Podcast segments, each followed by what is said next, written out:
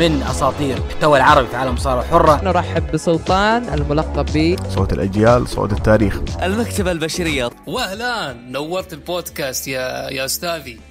مساكم الله بكل خير حبايبنا المستمعين في حلقة جديدة ومتجددة من بودكاست ركن الحلبة. وفي الحلقة رقم عشرين. بفضل الله أولا وآخرا ثم لكم أنتم حبايبنا المستمعين وصلنا إلى هذا الرقم وهو ليس بالرقم السهل أن تستمر أسبوع ورا أسبوع ورا أسبوع. تقدم هذا المحتوى الثقيل أسبوعيا لكن ما دام أنا باريستا دحيم أنتم مستمعين مستنسين وفرحانين. آه يعني فرحانين نقضي وقت بس اليوم البودكاست بيكون شوي يعني به زعل وبه حزن وبه ف على طاري الحزن والزعل. نبدأ نرحب بباريستا عبد الرحمن مساء الخير يا عبد الرحمن. يا هلا مرحبا مساء النور والسرور. وحلقة إن شاء الله مع الحلقة بدايتها مع ال- الأخبار اللي قريناها قبل شوي نقول الله يستر. إي والله الله يستر حالتين في حايل. الله يستر. عموما آه جميلة النيو لوك رائع. تضامن مع الملك كوربن. لا والله ما تعرف تعلق وهلك الا كذا. هذه نعمة الواحد لما يكون شعره مرة طويل يرتاح يعني ما يحتاج يروح. المهم آه آه ودي شباب يجيك عندنا خبر طازج الآن. خبر طازج آه يب WWE قالت وفعلت. آه رسميا دب دبليو تصرح النجوم التالية اسمائهم كورت انجل دريك مافريك كورت هوكنز كارل اندرسون لوك جالوس هيث سليتر ايريك يونغ EC3 ايدن انجلش وليو راش اكرر WWE رسميا تسرح كورت انجل دريك مافريك كورت هوكنز كارل اندرسون لوك جالوس هيث سليتر ايريك يونغ EC3 ايدن انجلش وليو راش أيضا مع تسريح عدد من ال producer أو اللي نسميهم إحنا الإداريين خلف الكواليس يا ساتر كل هذا العدد تم تسريحه من الإداريين وهم بيلي كيدمان. مايك روتندا مايك روتندا طلع على bump قبل شوي. بات بوك أو بات بيوك فيت فينلي شون ديفاري سكوت ارمسترونج سارا ستوك شين هيلمز ولانس ستورم. لانس ستورم وشين هيلمز اللي هو هوريكان وسارا ستوك سكوت ارمسترونج وشون ديفاري وفيت فينلي بات بيوك مايك روتندا اللي هو أبو بري وايت وبيلي كيدمان. مايك روتندا طالع مع the bump. آه طبعا وش السبب عبد الرحمن في هذه التسريحات؟ خليني أقرأ لك بيان WWE بعدها بعطيك آه إنك تعلق. WWE أصلا العصر صدرت البيان التالي. تقول WWE لتداعيات تفشي فيروس كورونا والتأثيرات التي تفرضها الحكومة الحالية على WWE والأعمال الإعلامية بشكل عام. مرت الشركة بتقييم مكثف لعملياتها على مدى الأسابيع القليلة الماضية وأسفر هذا التحليل تنفيذ تخفيضات التكلفة قصيرة الأجل وإجراءات تحسين التدفق النقدي كالتالي. واحد تخفيض تعويضات أعضاء مجلس الإدارة والتنفيذيين. هذه كلنا نتفق عليها. اثنين تخفيض نفقات التشغيل. ثلاثة خفض نفقات المواهب والتوظيف والاستشارات من طرف ثالث. شلون يعني؟ يعني WWE تروح الوكلاء مثلا بالسعودية نبي أحد يجي هنا نبي أحد يضبط لنا كذا. و WWE هي تدفع لهم الفلوس بس إنه أنت الطرف الثالث جيب لنا النا- الناس هذه. فال WWE الان تقول بتخفض. آه، أربعة تأجيل الإنفاق على بناء المقر الجديد للشركة لمدة ستة أشهر على الأقل. إحنا انت عارف في مقر لهم بينتقلون له. آه، أخيرا تخفيض عدد الموظفين وتسريح جزء من القوى العاملة على الفور. هذا اللي سوى ضجة اليوم العصر والمغرب. الناس تتكلم مين اللي بيتم. تسريحه على الفور آه، ختمت WWE بيانها بأنه بذلك سيتم توف- توفير أربعة ملايين دولار شهريا يعني عقب الإجراءات هذه WWE بتوفر 4 مليون شهريا إلى جانب تحسين التدفق النقدي بقيمة 100 و- 140 مليون دولار بعد تأجيل الاتف... الإنفاق على المقر الجديد للشركة. إذا أجلوا آه يعني استكمال بناء المقر الجديد راح يوفرون ما يقارب 140 مليون دولار. بالإضافة لذلك تمتلك WWE موارد مالية كبيرة سواء من النقد أو القدرة على الدين والتي يبلغ اجماليها حاليا حوالي نصف مليار دولار. عبد الرحمن شيء كان متوقع آه، مو بس WWE العالم كله يعاني هذه آه، الأمور آه، الكل يدري لذلك مثلا عندنا السعودية الحمد لله عندنا حكومة رشيدة على طول راحت دعمت القطاع الخاص من بدري 50 مليار وبعدين زودت كل كم أسبوع كم مليار وإلى آخره والتكفل ب 60% من الرواتب وإلى آخره. فهذا شيء طبيعي إنه الناس متوقعة بسبب كورونا والأمور هذه. طبعا أمريكا ما عندها إنه فيه ملك مسؤول عن الدولة لا كل واحد مسؤول عن نفسه لذلك حصل هذا الأمر.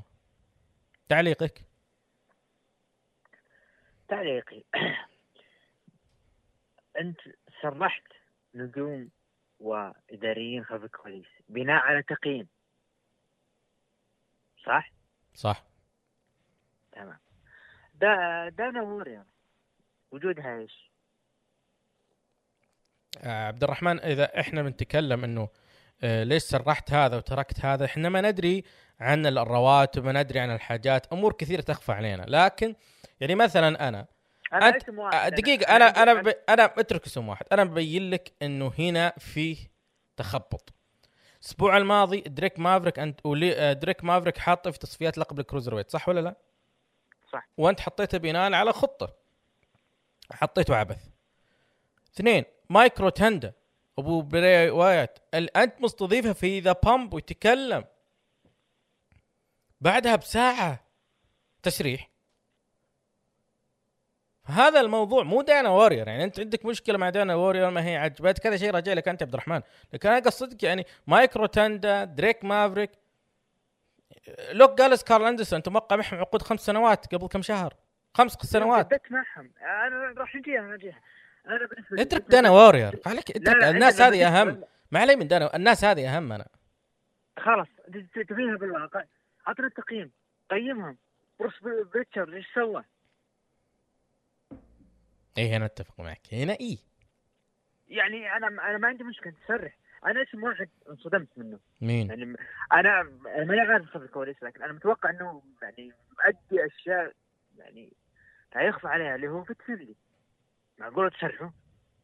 أنا ما أنا عندي احساس إنه الاسم هذا أحس إنه غلط إنهم صرحوه.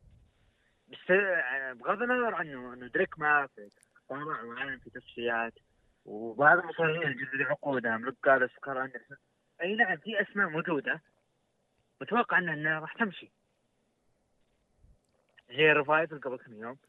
EC3 متوقع إنه ما راح يستمر والشيء هذا إحنا عارفينه. لكن يعني مثلا لوك جالوز وكارل أندرسون. وتشيل معهم هيث سليتر وتشيل معهم. ليو رش ليو رش ترى أنت معطيه قبل كم شهر دفعة. جاب اللقب Cruiserweight وقدم لك مسيرة حلوة ب NXT مع لقب Cruiserweight بعدين تقول مع السلامة. معقولة إذا أنت بتمشي على تقييم في ناس تبي تمشي ما تجلس دقيقة واحدة. مستحيل هذول يعني. أنا ما كرت أنكل أنت تستفيد منه. لا أنا أزعل لما تكون وورن موجودة وفي أسماء حرام تروح سواء مصارعين ولا إداريين بروس بريتشارد تمشي بالتقييم. إذا أنت تمشي بالتقييم شوف بروس بريتشارد إيش يقدم. طيب عشان الوقت عبد الرحمن عشان الوقت عشان الوقت. شيء متوقع شيء صار. أه هل أه إذا WW سوت كذا وش بتسوي؟ AEW وش بتسوي؟ ROH وش بتسوي؟ يعني واضح إنه راح تنعكس على الجميع. الخطوات هذه WW سوتها. لذلك المصارعين ذول راح يكسرون الخاطر انه احتمال ما تأخذهم من الشركات الثانية يعني لأنه هم يبي أيضا بيفلسون عموما آه على طاري الكورونا خلينا نأخذ كم خبر يخصه يعني. آه حاكم ولا قبل الخبر آه قبل الخبر أنا عندي عشان الوقت يا عبد الرحمن. تكفى على السريع. أنا سعيد إن EC3 راح يلقى فرصة بمكان ثاني. وين يلقى الناس تقفل؟ ما عندها فلوس إيش فيك أنت؟ يا ناس ما هو إنه WW ما هي لاقية يعني فسقة زي كل سنة إنه عندي زيادة راح أسرحهم. لا ما هي بكذا. هذا التسريحات علشان أضرار كورونا وهذا ال WW اللي عندها أصول وعندها فلوس. الشركات الثانية منين بتجيب رواتب؟ منين بتجيب فلوس؟ منين بتجيب؟ AEW ترى سجلت وخلاص يعني حقت الأسابيع الجاية لين نص إلين نهاية مايو الجاي. داري أنت؟ يعني مو احتمال إنهم يروحون AEW يتوقع معهم. ال Revival ليش ما وقع معهم إلى الآن؟ إيش فيكم أنتم؟ ركزوا. أنا والله فرحان إنه دريك مافريك بيروح ل Impact Wrestling مين يبي يدفع له فلوس؟ الوضع تبن ترى في أمريكا. ما في فلوس. إذا ال WW سوت كذا علشان يعني أنت أنت متوقع إنه WW سوت الخطوة هذه وهي يضحك وفينس ماكمان يضحك.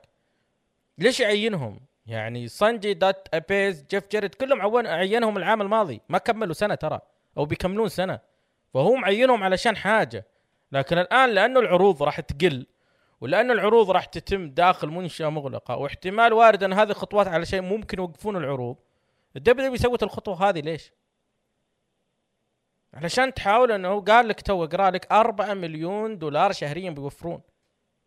غير ال 140 مليون اللي بيوفرونها لما وقفوا بناء آه، المقر الجديد. تخفيض رواتب والعلاوات حقت ال- ال- الر- الرؤساء اللي عندهم التنفيذيين. فلا تقول لي لا, لا, أحد يأخذها من المنحنى إنه أزين راح ال AEW AEW Elite بي لا لا لا ما هي بكذا يا عبد الرحمن ترى ما في فلوس. AEW ما راح توقع معهم ذولي كلهم. اصحى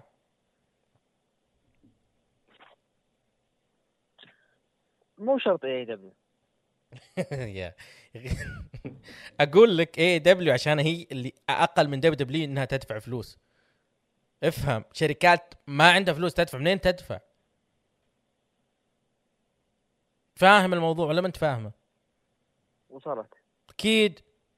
نعم.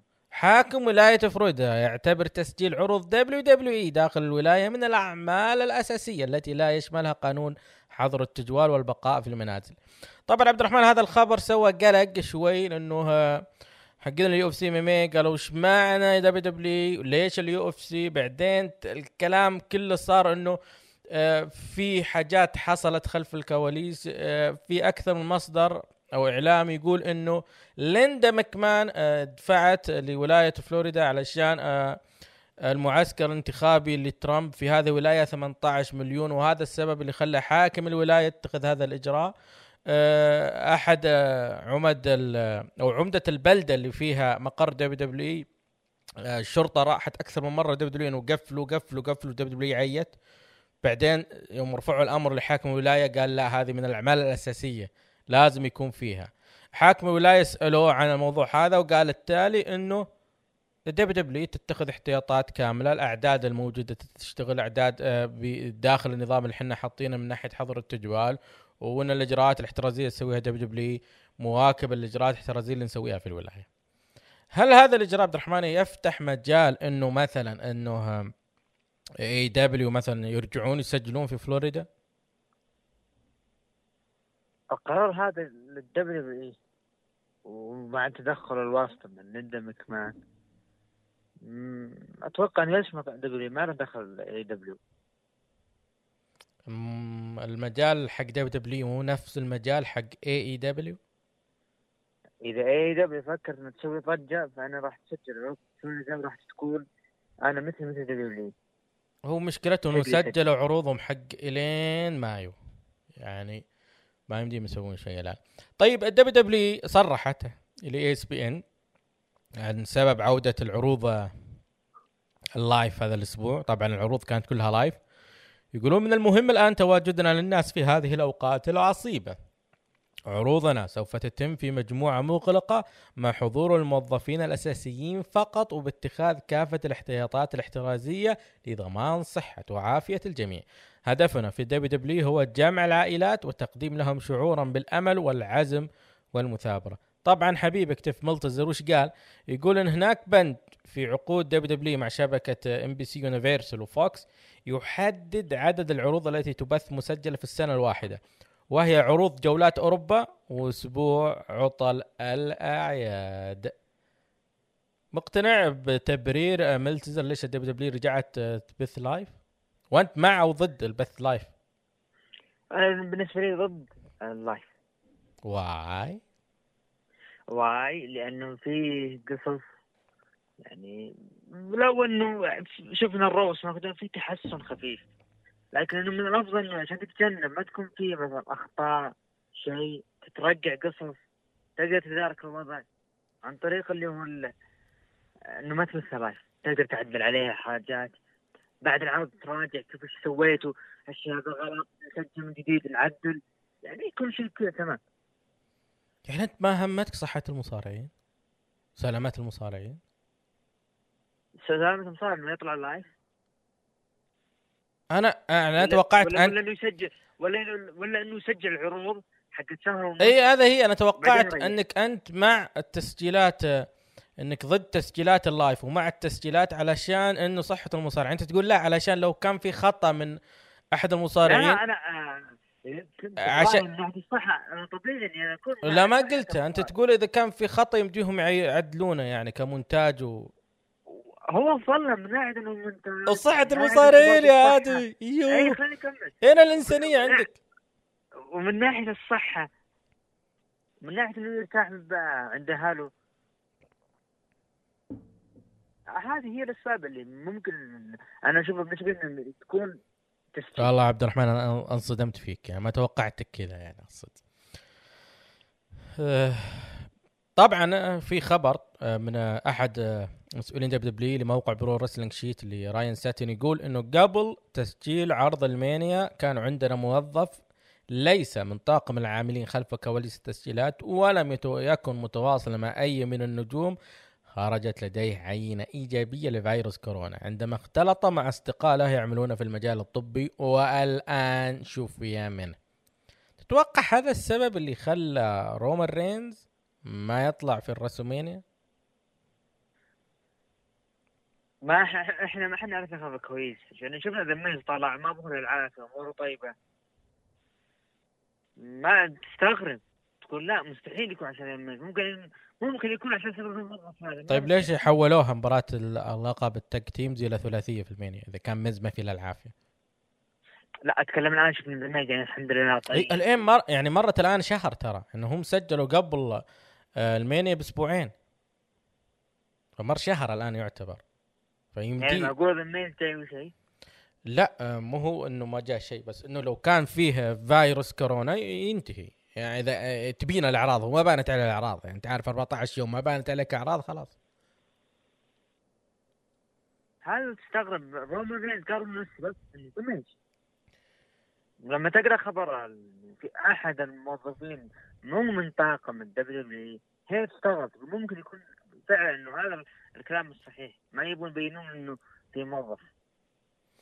طيب يا مو موظف. عشان الموظف. القاعة المستضيفة لعرض Raw fallout Money in the Bank ب 11 مايو أعلنت رسميا تأجيل العرض إلى 30 أكتوبر الجمعة. أي يتحول إلى عرض SmackDown. يعني إلى مايو ما في أي عروض خارج مقر WWE التدريبي رسميا أتكلم. متوقع لأنه ما يعني ما إحنا ما إحنا نعرف إيش بيصير قدام. طيب وش بيصير بعد؟ XFL رسميا تعلن إفلاسها. حلم مستر مكمان يا عبد الرحمن خليني أقول لك القصة. مستر مكمان هذا حلم عنده إنه يسوي دوري كرة القدم للمحترفين منافس ويتفوق على الدوري الموجود اللي هو NFL. صارت تجربة 2000 2001 وفشلت فشل ذريع. وبعد مرور آه 20 سنة قرر مستر مكمان يعيد التجربة ولكن هالمرة كان جالس يحضر لها سنتين. ونجحت يعني بدايتها الناس حبوها يعني وسوت ضجة يعني. لكن للأسف إيش اللي صار؟ مع الوضع اللي صار الآن بكل العالم الآثار لتفشي فيروس كورونا أدى إلى إنهاء هذا الحلم مبكرا. كان ال- الأصل أنه بيرجع ب 2021 لكن واضح أنه الخسائر كانت ثقيلة عليهم ليعلنوا أنه خلاص هي از دن أنا ممكن أقرأ من ذلك أنه خيبة أمل من مستر مكمان آه، حلم لديه بعد آه، خلال 20 سنة عاجز أنه يحقق هذا الحلم. سؤال بوجه لك هل تتوقع مستر مكمان بعد فترة بيرجع لما ال XFL ولا خلاص؟ والله واضح يا فشفك معك ما لك الا بالمصارعة. يعني 2001 فشلت. الآن فشلت. ما الآن ما نقول إنه فشلت لا إنه في أسباب ادت الفشل من الوضع اللي صاير. خليك في المصارعه ورفع بروما رين جاستن ليبر أحد العاملين في كتابة أطوار لعبة 2K 20 اكد أن لعبة 2K 21 تم إلغاؤها. الألعاب الإلكترونية ذي يا عبد الرحمن بإنك يعني حق بلاي ستيشن آه، رأيك فيها؟ هل فعلا في شيء جديد لها ولا إنها تطفش؟ ولا أنا ما ولا, ولا ما- آخر مرة متى لعبتها أنت؟ أنا عن نفسي لعبتها اللي هي كانت WWE All Superstar 2012 هذه آخر مرة يعني لعبتها أنا. آخر مرة لعبت دبليو دبليو 2 كي 18 وليش ما لعبت 19 و20 للأسف سيئة. ال WWE من ناحية الألعاب يعني هي ما هي مشغلة. أنا عارف إن شركة 2K هي المشغله للأسف تقديمها الألعاب جدا سيء. في مطالبات من الجماهير إنه في حاجات ترجع قديمة اللي هي طور اللي كان موجود عام 2008 2007 ال GM mode. كان كان الناس يبونه. ما سووها. كان يبون قصص ما سووها. ما في حرية باللعبة. اللعبة ال- خلينا نتكلم عن 20 مو 19 20 20 فشلت فشل ذريع من بالمبيعات طاحت طيحه قوية. وما راح أستغرب بعد فترة راح تكون مجانية.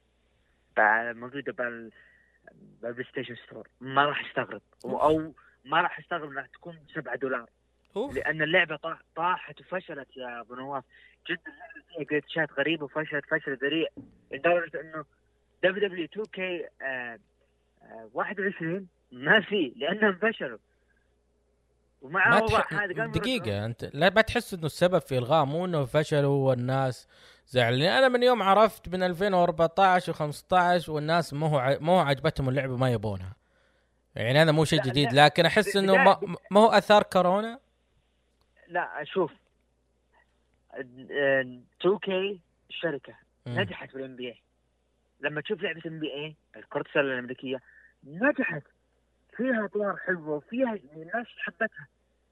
لما تشوف نفس الشركة تنتج لعبة مصارعة تقول مستحيل هي نفس الشركة. تقول في شيء غلط صاير مستحيل تركيا هي اللي تسوي هاللعبة هذه لما تقارنها مع كره السلة. المشكلة إنه أنا بالنسبة لي مثل يعني اقتنعت ان اللعبة انتهت من 2015 اللعبة انتهت. انتهت وفشلت فشل ذريع 2014 أول سنة شركة تي كي قدمت لعبة مصارعة بالنسبة لي أنا أشوفه من 2014 إلى 2020 الرقم واحد هي دبليو 2 كي 14 كانت لعبة عظيمة. من بعدها فشلت. ما راح ترجع. الدبليو 2 كي وتحسن الألعاب. 21 لو حسنتها بيكون في ترقيع فهم متوقع إنهم عندهم عندهم خطط مستقبلية بحيث إنه يحاولون يغيرون رأي العالم عن 20 بأنه يشتغلون مرحله 21 لعبة 22 طيب آه، كان في خبر بداية الأسبوع لكن الأخبار اللي أخذناها الآن هي اللي غطت عليه وهو خلاص رسمي تم تسريح فريق The Revival من عقدهم. في WWE. واضحة للجميع عبد الرحمن صح؟ وينهم بيروحون؟ AEW. هذا قبل سالفة كورونا. الآن ما ندري هل هم بيروحون ولا لا. شفت آه أرن أندرسون إيش يقول؟ بودكاسته. مين؟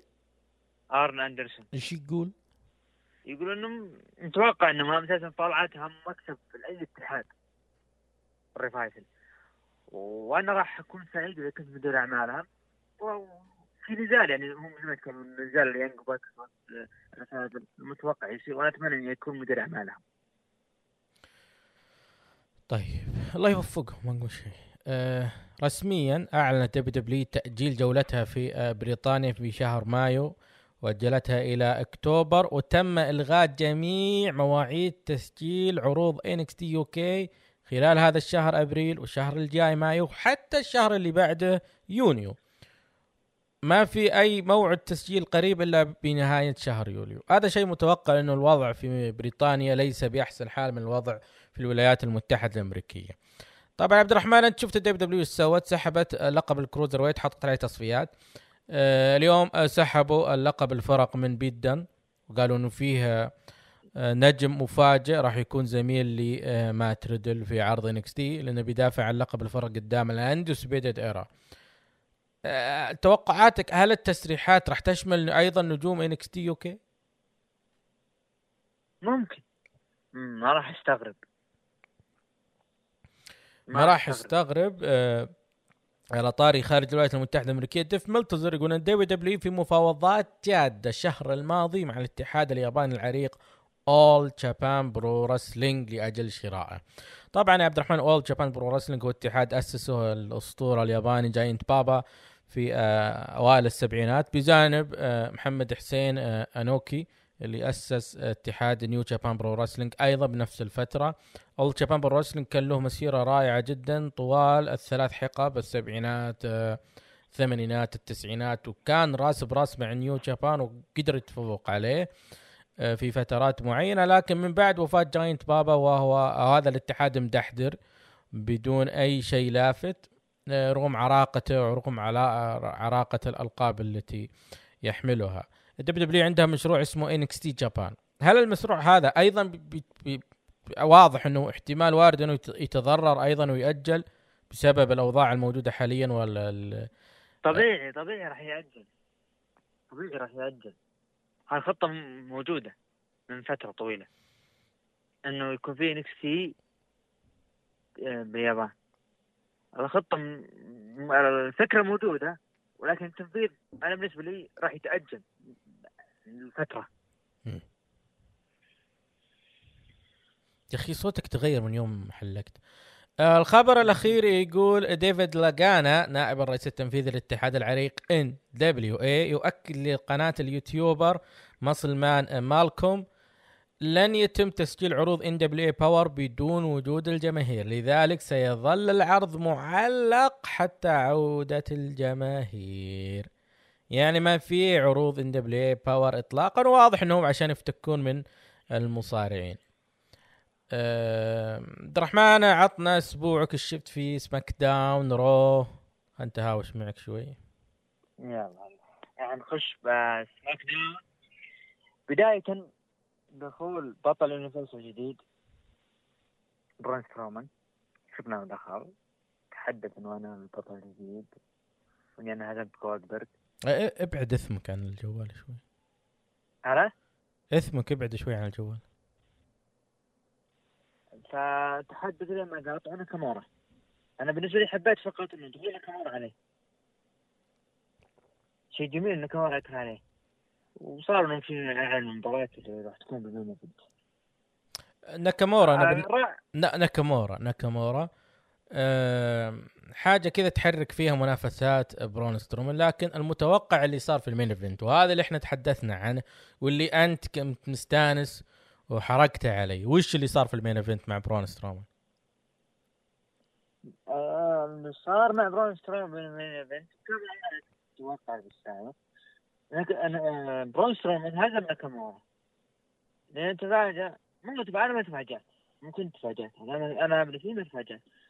دقت موسيقى كيف؟ Firefly Fun House طلع بري وايت يتكلم إنه سترومان ان أنا اللي في أول كنت معي و- ويذكر بالماضي. ولين ما رد آه، سترومان علي قال إنه العيبك هذا معي علي بي يعني معنى كلام إنه في تحدي بيني وبينك. رأيك؟ ورأيك باللي توقع. يلا أشوف مصادرك قوية هالمرة يعني ما شاء الله عليك. بري وايت برون سترومان هذا تحدثنا عنه وناقشناه وإن هذا أفضل شيء أفضل بناء. هو أصلا البناء الأصلي الأساسي لرومان رينز. يعني بالأساس لو كان رومان رينز رغم ان أنا أتوقع إنه كان جولدبرغ بيفوز لكن لو كان رومز رومان رينز موجود وبعد ال Mania هذه العداوة المفروضة هذه اللي كنت أتكلم عنها أنا وازعجت العالم فيها من ديسمبر إنه المفروض رومان رينز على طول دخل كذا ارميه مع بري وايت هذه العداوة اللي بتشيل لك SmackDown الآن برون سترومان وبري وايت. لا أخفيك أنا يا عبد الرحمن أعجبني. برون سترومان على المايك وتعامله مع بري وايت أعجبني. لما قال دخلوا علي ما عندي مشكلة يقصد الفيند. واضح إن برون سترومان كيف؟ إنه هو جاهز له. إنه هو جاهز له. برون يعني سترومان قدر ياخذ ويعطي مع بري وايت على نفس الرتم في شخصية الفيند. تعرف شلون يتلاعب مع إنه okay داخل اللعبة ذي بري وايت أنا بدخل بعد هذه اللعبة اوريك اعطيك أصول اللعبة هذه. هذا اللي عجبني أنا. هذا ال character اللي شفته من بران سترومان والطريقة اللي تحدى فيها بري وايت يا خلاني أقول okay هذه أفضل من رومان رينز هذه أفضل ولا مقارنة أنا بالنسبة لي. لذلك قد يكون يا عبد الرحمن برون سترومان من نوعية المصارعين إنه إذا أعطي الفرصة مو بس يستغلها يحلبها حلب. أعطي الفرصة هذه وحتى قالها في برومو حقه كان. جاهز. وحلو ولا على طاري ال- الافتتاح. أنا مرة عجبني شينسكي ناكامورا. يعني من أجمل البروموهات اللي شفتها له رغم إن أنا كان لي مأخذ عليه من ناحية إنه إذا أنت مو متقن اللهجة أو مو متقن اللغة فما يحتاج إنك تتكلم. لكن مرة عجبني من ناحية تعابير وجهه من ناحية است... آه، ايصال الرسالة عن طريق مثل ما يقولون لغة الجسد. كان رائع جدا بصراحة شينسكي ناكامورا. وهذه الخبرة وتراكم الخبرة وبدأ يثبت اموره لكن تمنيناها انها تكون عداوة أطول يعني تكون إلى نهاية ماني ذا بانك مثلا بعدين يطلع بري وايت يعني تمنيت إنه شينسكي ناكامورا مع برون سترومان الأسابيع هذه لين ماني ذا بانك بعد ماني ذا بانك مثلا يدخل الفيند على برون سترومان في ماني ذا بانك يعني يختفي الفيند فترة هذه ثم نطلع عليه بماني ذا بانك ويدخل على برون سترومان ويصير بينهم هذا البروموهات. أحس إنه كذا راح تعبي أكثر شهر زيادة لأنه شينسكي ناكامورا أنا عقب البرومو هذا بافتتاح والله لا أخفيك. أنا قلت أوكي قادر يقدم شيء اسبوعيا مو بس يعني فقرة بحلقة أسبوعية واحدة. أتفق معك. أنا بالنسبة لي إنه فيه تكرار خطأ ويا خوفي إنه بري وايت يرجع اللقب على طول. أنت خليته يخسر من جولدبرغ. وزعلانين إحنا مين اللي زعلان؟ أنا زعلان من مو بس أنا أغلب الجماهير. لا اترك. الجماهير يعني. أنت زعلان؟ أنا زعلان إنه خسرت جولدبرغ. ومشيته لنا أنا داري إنه باقي أسبوع على التحدي إنه برون إنه رومر شو اسمه ذا؟ شو اسمه ذا الغبي؟ بارن كوربن إنه ياخذ لقب عالمي؟ عموما ف بري وايت أنا ما حبيت انهم يستعجلون بيعطونا فرصة. حبيت ياخذونها أنا أتفق معك. لأن كمان ياخذ فرصة على اللقب. تكون عداوة جميلة ويعني في تنوع. بعدين يدخل عليه الفيند لكن أنا ما حبيت انه من البداية يدخل في الفيند لا. لا أنا داري إن كان عندك توقع إنه بارن كوربن لكن الحمد لله. يلا. اعطنا لو اللي بعده. اعطنا اللي بعده. برو. الكسا بليس. تقول صوت كروس. بلاك بيري عندك أنت؟ على؟ هذا شكله دحيم علي سمعت أنا برو نغمة حقت البلاك بيري لا لا ما هي عندي. أجل. دحين لا، ما هي. شفنا آه لكسا بليس ونيكي كروس ضد الكابوكي ووريرز. أيوه. عجبتك ذي؟ طبعا. رأيكم مرات لا تسألني عن رأيي. أنا ما اتابع إحنا الفقرات ذي دائما أعطيها سكيب يعني أنت ليش مهتم فيها؟ شفنا الايس صدق تعال ليش جبتها؟ م- آه، ابي حق العرض أنا ما ابي اعطون حق المصارعين بجيب العرض امم طيب أنا ما راح أتكلم إيش صاير بين الايس و يعني نمشيها شفنا اللي بعده مباشرة ليش ما تبي تتكلم عن الايس؟ ما ما راح أتكلم ليش ما تبي تتكلم عن الايس؟ ليش ما هو موهوب المصارع ذا الايس؟ غير صحيح غير صحيح عموماً. وش؟ عموما لازم تعطيه حق يعني أنت الحين تجيب طاري مباراة لقب نساء عابرة ما لها أي قصة ولا حاجة واحد موهوب ونجم وله مستقبل وكل الجماهير اللي أنت تحدثت على لسانهم يرون به نجم المستقبل بل الحاضر وتتجاوزوا بس علشان دق خشم بارين كوربن. غير صحيح. شو غير كلنا شفناها شلون غير صحيح؟ غير صحيح. فوتوشوب يعني هو كم كمؤدب المايك ما ينال عليه. غير المايك. ما الحلبة؟ والله ما شفنا إلا ما- قدام بارين كوربن وش نسوي عاد لا يضاهي بارين كوربن لكن لو الحكم هذيك حسبي الله عليها. طيب يطلب ريماتش بارين كوربن. كوربن آه، يبي يريح ويرجع له بعدين. طيب يلا. مباراة دوف زيجلر و... وتكر أنا ما عندي أي تعليق اللي واللي صار مع اوتس وما آه، أنا أشوف يوقفون العداوة ذي أفضل. يعني خلاص انتهينا القصة هذه لكن هم بيعطون هايب لماندي روز. سوني ديفيل أخذت مساحة يعني مبطي ما أخذت المساحة ذي. فواضح إنه دبليو دبليو تركز على النقطة هذه مع آه، سوني دي يعني واضح ان هذه كلها عشان سوني ديفيل وماندي روز مو علشان اوتيز طبعا نروح اللي بعدها أبطال فرق سماك داون دميز وجامارسون دخلوا حلبة وبعدين دخلوا الاوسوس و- والنو دي وصار في تحدي إنه دميز ضد بيج اي ضد جاي اوسو الأسبوع الجاي على ألقاب فرق سماك داون هذه نشوفها المرة الثانية. مباراة فردية على ألقاب فرق. أه، ما أدري دبليو معك. دبليو إنه بيحطونها كنوع من التجديد في العداوة إنه آه، كيف يتنافسون على آه، ألقاب الفرق. يعني الثلاثه من الفرق من أعضاء الفريق تنافسوا في المانيا بعدين ثلاثة من أعضاء الفريق راح يتنافسون.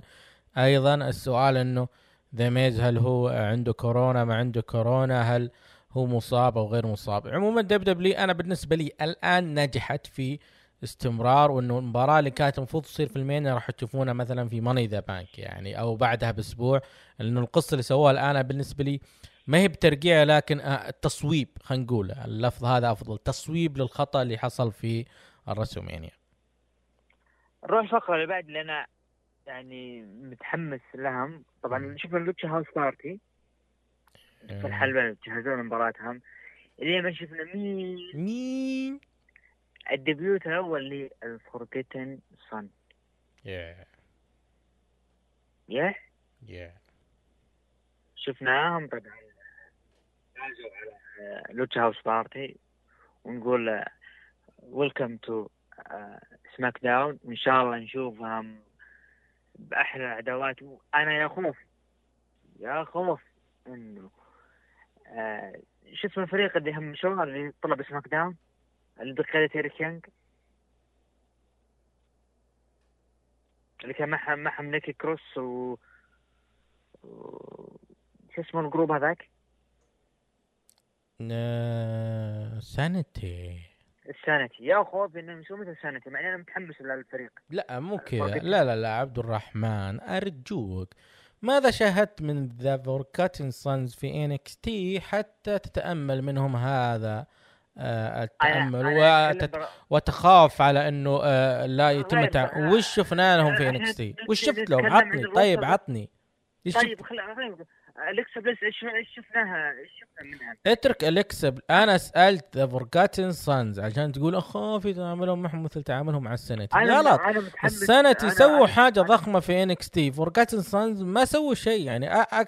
رأس مالهم شاركوا في مباراة على الفرق اللي فازوا فيها Street Profits بس هذا أقصى شيء سووه. والنتيجة والنتيجة ال Sanity طلعوا ما. الشيء يا. عزيزي Sanity كان لهم سجل رائع حافل في NXT كانوا main eventers وصلوا المرحلة ذي. كانوا شيء الناس يحبونه Forgotten Sons كانوا يلعبون مباريات سكواش والنتيجة اطلعوا بالعروض الرسمية وتهمشوا.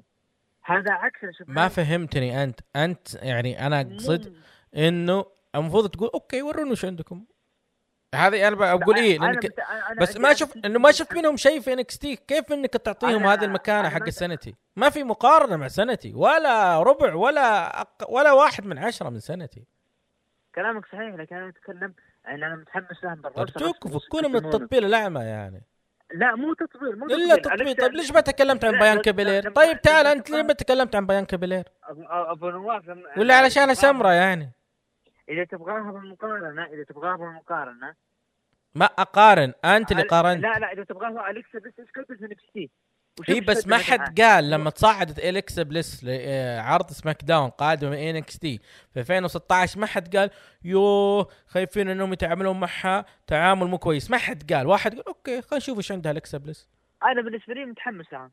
اي بس وش وش أرجوك فهمنا إنه إحنا كلنا نتابع عرض الفاكتور NXT وش الشيء اللي خلاك تتحمس ل Forgotten Sons جيب لي عداوة جيب لي قصة لا، صارت لهم. متحمس لهم إيش بيقدمون بال roster الرسمي أي يعني يعني تسحب كلامك إنك تخاف يعاملونهم مثل تعاملهم مع Sanity وأنا أخاف مستقبلا إنهم تصعيدهم كذا ما في شيء. مثل مثل السنة يوم يصعدونهم قبل. جلسوهم كف هذا الشغل والله حرام يا عبد الرحمن دقيقة عجيب وتشوفهم علي لازم تقول كلامك طيب. صحيح. طيب. آه، تقييمك للعرض؟ قبل تقييم العرض في فقرة مهمة لك. وش؟ فقرة النساء سماك داون اللي بين ساشا و... وتامينا و... وبيلي لا ما هي مهمة لي. ما يحتاج إنك تقولها. عطني تقييمك العرض تقييم العرض خمسة من عشرة. يا ساتر. نجم العرض. برون سترومان أنا أعطيه ستة من عشرة وبرون سترومان قد يكون مو بس نجم عرض سماك داون قد يكون نجم الأسبوع. عرض رو سريع. عرض الرو. الله يا رو. قبل. آه، في في هنا عدة طلبات دائما تجيني اسبوعيا. ودهم يسمعونك تغني يا عبد الرحمن. هلا ودهم يسمعون صوتك تغني. اذا لا خلاص. لا لا لا انسى انسى انسى. اتحاول هذا هالقراءة طبعا نبدأ بعرض الرو شفنا درو ماكنتاير افتتح العرض. وتحدث انه أنا انه هذا الاحداث اللي صارت انه مباراة ضد بروك وكذلك مباراة ضد The Big Show؟ إلين ما قاطعوا اندرادي بعد ما قاطع اندرادي معاه زي انه فيجا تحدث إنه اندرادي انه أنا ترى قبل هزمتك. هزمتك. اذا كنت ناسي وخذيت اللقب لو منك. كنت ناسي أفكر فصار في تحدي بينهم بال main event. الله. عندك تعليق على عطنا؟ ال main event وعطنا الفقرات حقتهم كلهم مرة واحدة عشان الوقت يدح طيب. أوه. شفنا صوتك بعيد خلينا نشوف آه، وفاز فيها أه بعلق تعليق واحد هنا أنه الناس قبت على آه، تعليق من جيري لولر قال إنه المونسولت اللي سواها كيرا توزاوا ب- آه، بنكهة طبخة يابانية كذا. ففي ناس شنوا حملة ع- شعواء غبية على جيري لولر إنه ليش تقول كذا؟ وهذه عنصرية علشان ياباني. أنا ودي أعرف وش يعني وش فرط الحساسية عند الأخوان أو عند الأوادم أو عند الكائنات البشرية اللي ما عايشة هناك؟ وش هالفرط الحساسية؟ وش فرط الحساسية هذه يعني؟ وش العنصرية يعني؟ أنا أستغرب جدا من تضخيم بعض ناس الأمور. حساسة ناس حساسة. دو- يع- يعني أنا ما أدري يعني. يعني هو يعني هو يتكلم من ناحية إنه آه، مثل ما تقول آه، طقطقة وضحك ومن يعني بأسلوب ساخر جدا إنه يقصد يعني مؤخرة كيرا توزاوا جت على وجهه. فإنه المؤخرة وش يطلع منها دائما الله يكرمكم؟ هذا قصد يعني هو- وهو بالأخير أسلوب يعني ساخر مره مرة. يعني ال- الولايات الجنوبية اللي في أمريكا مرة هذا هو أسلوبهم وحتيهم دائم فيه الأسلوب هذا اللي مرة يعني. وهذا شيء متعودين فيه بعروض المصارعة يعني. اكبر يعني ريكيشي كان يحط مؤخرته بخشم كل واحد وآخرهم بارن كوربن. بالذات ما فيها شيء يعني هذا عندهم هم هناك. فليش أنت الآن من الجمهور؟ يعني أنت بتقول لي أنا كمجتمع محافظ ومجتمع مسلم ومجتمع عربي بقول لك أكيد أنا أتقزز منها. لكن هم لا. هم بالعكس يرونها كوميديا. لكن إنك تصف هذا التعليق من جيري لولر إنه عنصرية وهذا يسمى بالنسبة لي فرط حساسية. وآسف على الشطحة ذي يا عبد الرحمن. لا هم يدورون الزلة. تلقى يعني بعض الناس يتحسسون من أشخاص إنهم لو قال كلمة عادية يكبرها عموما شفنا انخل جارزا لعب ضد أحد ال jobber فاز عليه وتدخلوا عليه. هذه ما أدري إيش العصابة الآن ما صارت إيش اسمها. وبرضه نروح ال main event. درو ماكنتاير هزم اندرادي وبعد المباراة شفنا تدخل من انخل جارزا واوستن ثيري وفجأة شفنا سيث رولينز تدخل على درو ماكنتاير اللي يعلن يعني طبعا خ... يعني أنا بالنسبة لي إنه راح تكون في مباراة بينهم أيوه أيوه واضح. أي بيكون بينهم مباراه هين آه بالنسبة لي أنا عبد الرحمن آم، آم، كشكول أسميه أنا كشكول آه زلينا فيجا أندرادي على أنجل جارزا على أوستن ثيري. هذا كشكول يعني ما تدري وش اللي فاهم منه يعني.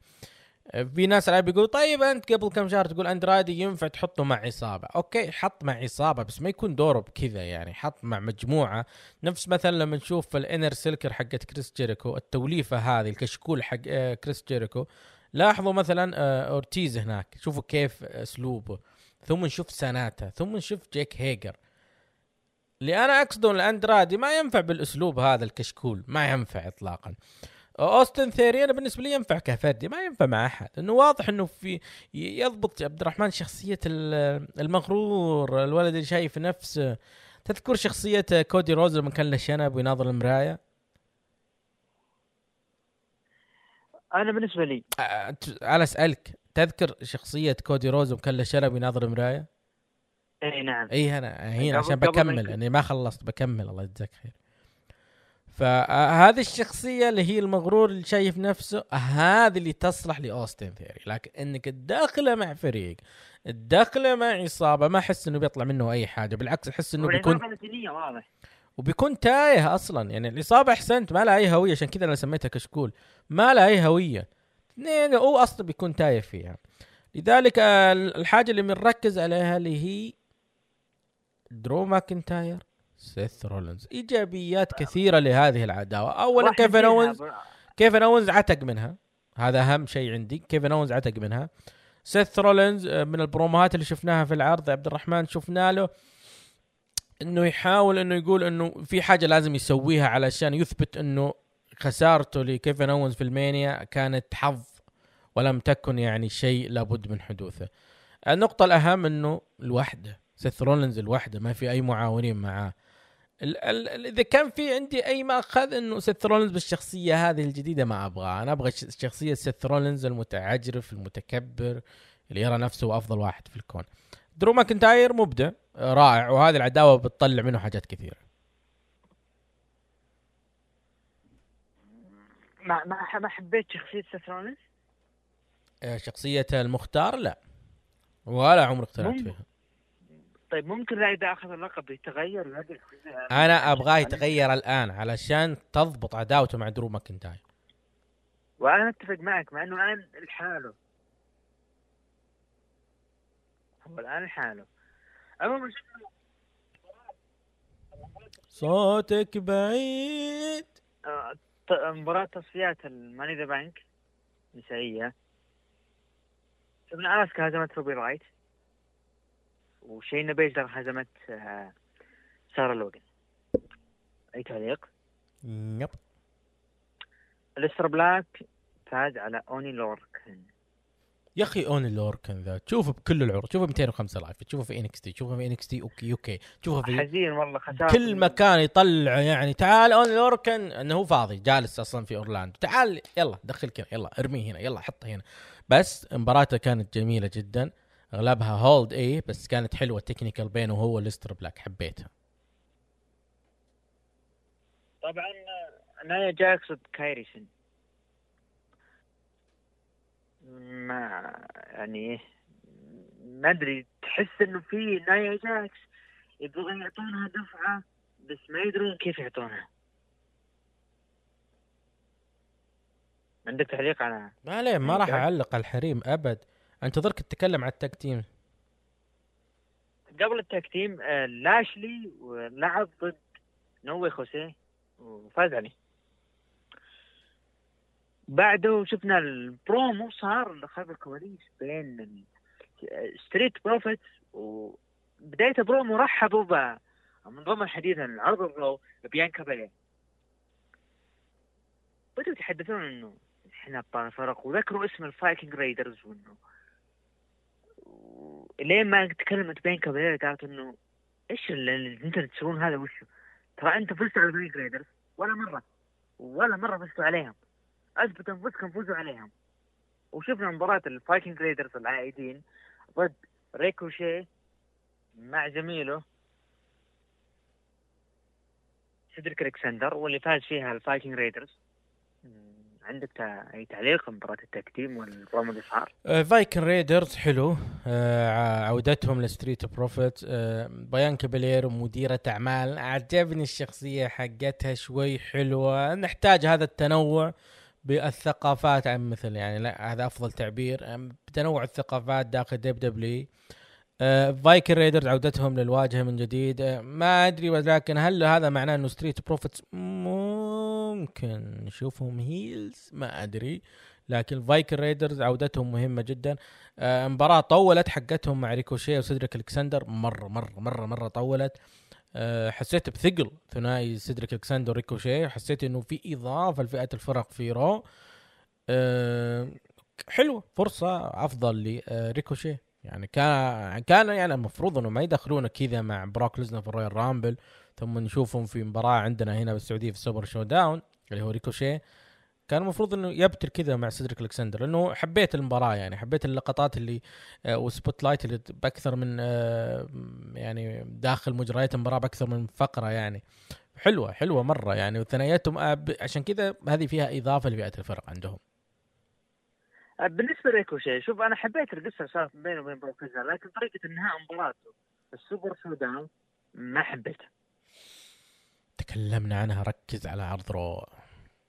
عموما شفنا الفقرة الأخيرة اللي شارلوت تكلمت إن هي المسيطرة والمهيمنة واللي ما حد يقدر يوقفها بعد ما حققت اللقب NXT وwomen's championship عندك تعليق للملكة شارلوت فلير؟ أفضل برومو شفته حتى الآن هذا الأسبوع. بصراحة أنا أتمنى من عدد كثير من حاملي الألقاب في كل عالم المصارعة يشاهدون هذا البرومو لتشارلوت فلير ويشوفون كيف تقدم شخصية البطل ال heel على أصولها.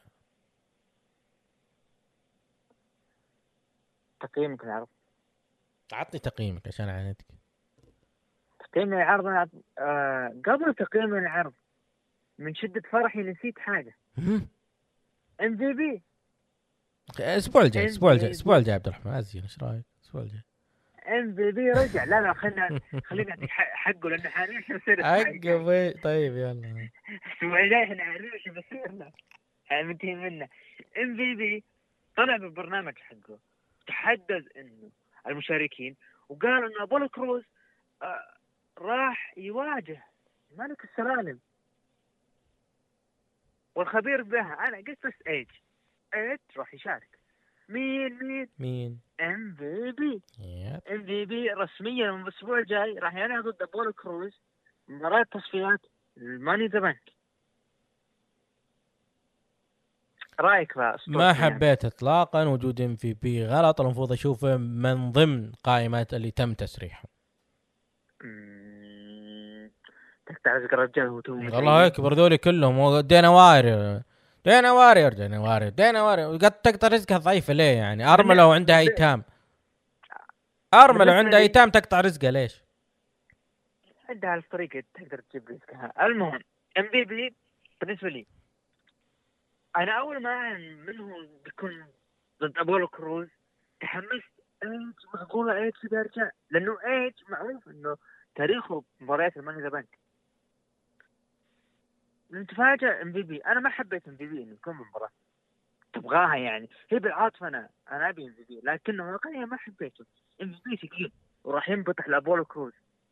وصار بيني وبينك نقاش إنه آه، قبل التسجيل إنه قلت يا إبراهيم إنه ممكن يكون يعرض خدماته على ابولو كروز يكون مدير اعماله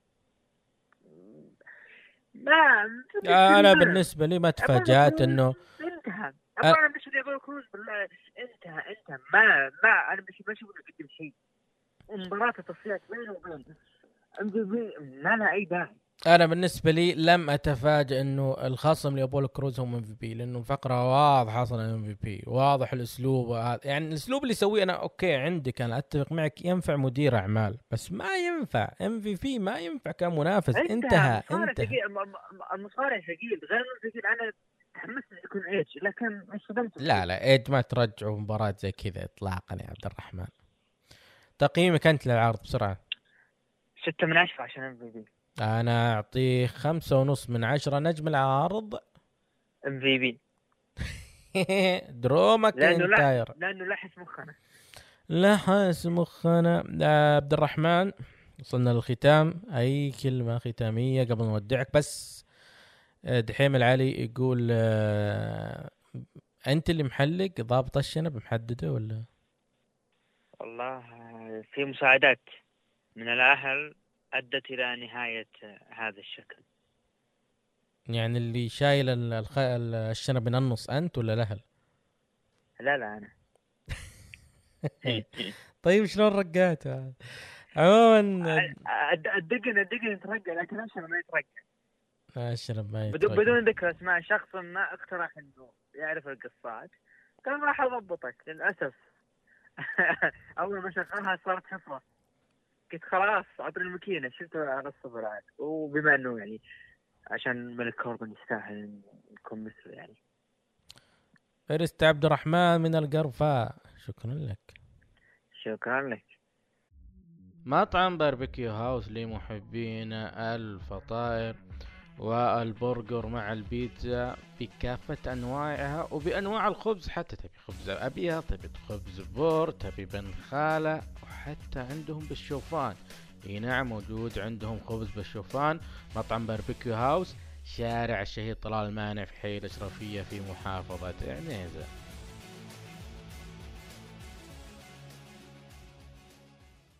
نروح الآن لبقية عروض الأسبوع.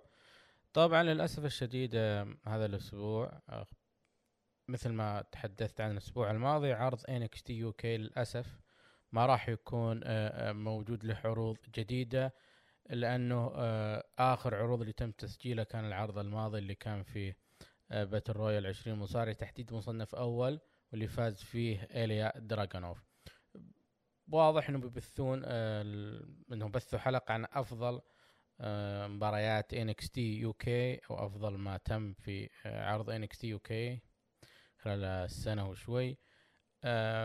غردوا حسابهم إنه آه وش تبون نبث لكم من آه، مباريات وإلى آخره.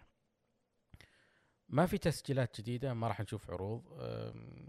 قرنا لكم الأخبار عن إن العروض آه، ما راح تبدأ تسجيلات أو موعد تسجيلات جديده إلا مع نهاية يوليو أي بعد ثلاثة أشهر من الآن. لكن هناك عرض آخر اللي عرض 205 Live وهذه المرة راح تستغربون من نبرتي عرض 205 Live راق لي. السبب في ذلك إن هناك قصة موجودة وهي ال- الحديث عن آه، منافسات آه، تصفيات لقب ال cruiserweight. حلو. هنا في حاجة المصارعين يتنافسون عليها. تشوف فيه الشخصيات تشوف فيه الأداء على الحلبة وفعلا في إحدى مباريات تصفيات في عرض NXT شفنا أداء النجوم فيها وكيف لفتت الانتباه. آه، طبعا أقيم في العرض مباراتين فقط. آه، هي مباراة آه، توني نيس وداني بورش. مباراة أخذت فوق عشر دقائق وكانت جيدة وانتهت بفوز توني نيس. بعدها شفنا جاك جلهر ضد أوني لوركان. أوني لوركان وأيضا داني بورش تشوفهم بكل مكان بكل عرض بكل زاوية رائعين الاثنين ذولي. المباراة كانت رائعة بصراحة. ما أخذت ولا تسع دقائق بس المباراة مرة عجبتني حقت جاك جلهر أوني لوركن. آه، كثير فيها من الأسلوب ال technical وكلكم تعرفون أنا أحب الأسلوب هذا ومتخقق عليه. أسلوب بعض الناس يرى إنه مو هو بحماسي لكن أنا يعجبني كثير. انتهت المباراة بفوز آه، جاك جلهر طبعا شفنا توني نيس كان متواجد عند طاولة التعليق وبعدها دخل المباراة واعتدى على جاك جلهر آه، لأنه اثنين مشاركين في تصفيات لقب ال cruiserweight رائع جدا العرض بالنسبة لي. آه، ما دام في قصة وهناك أحداث تتجدد اسبوعيا لنفس هذه القصة فهذه هي ال pro wrestling فجميل. إن شاء الله يمططون في آه، تصفيات لقب ال cruiserweight عشان يمدينا نشوف قصص رائعة في عرض ال 205 Live.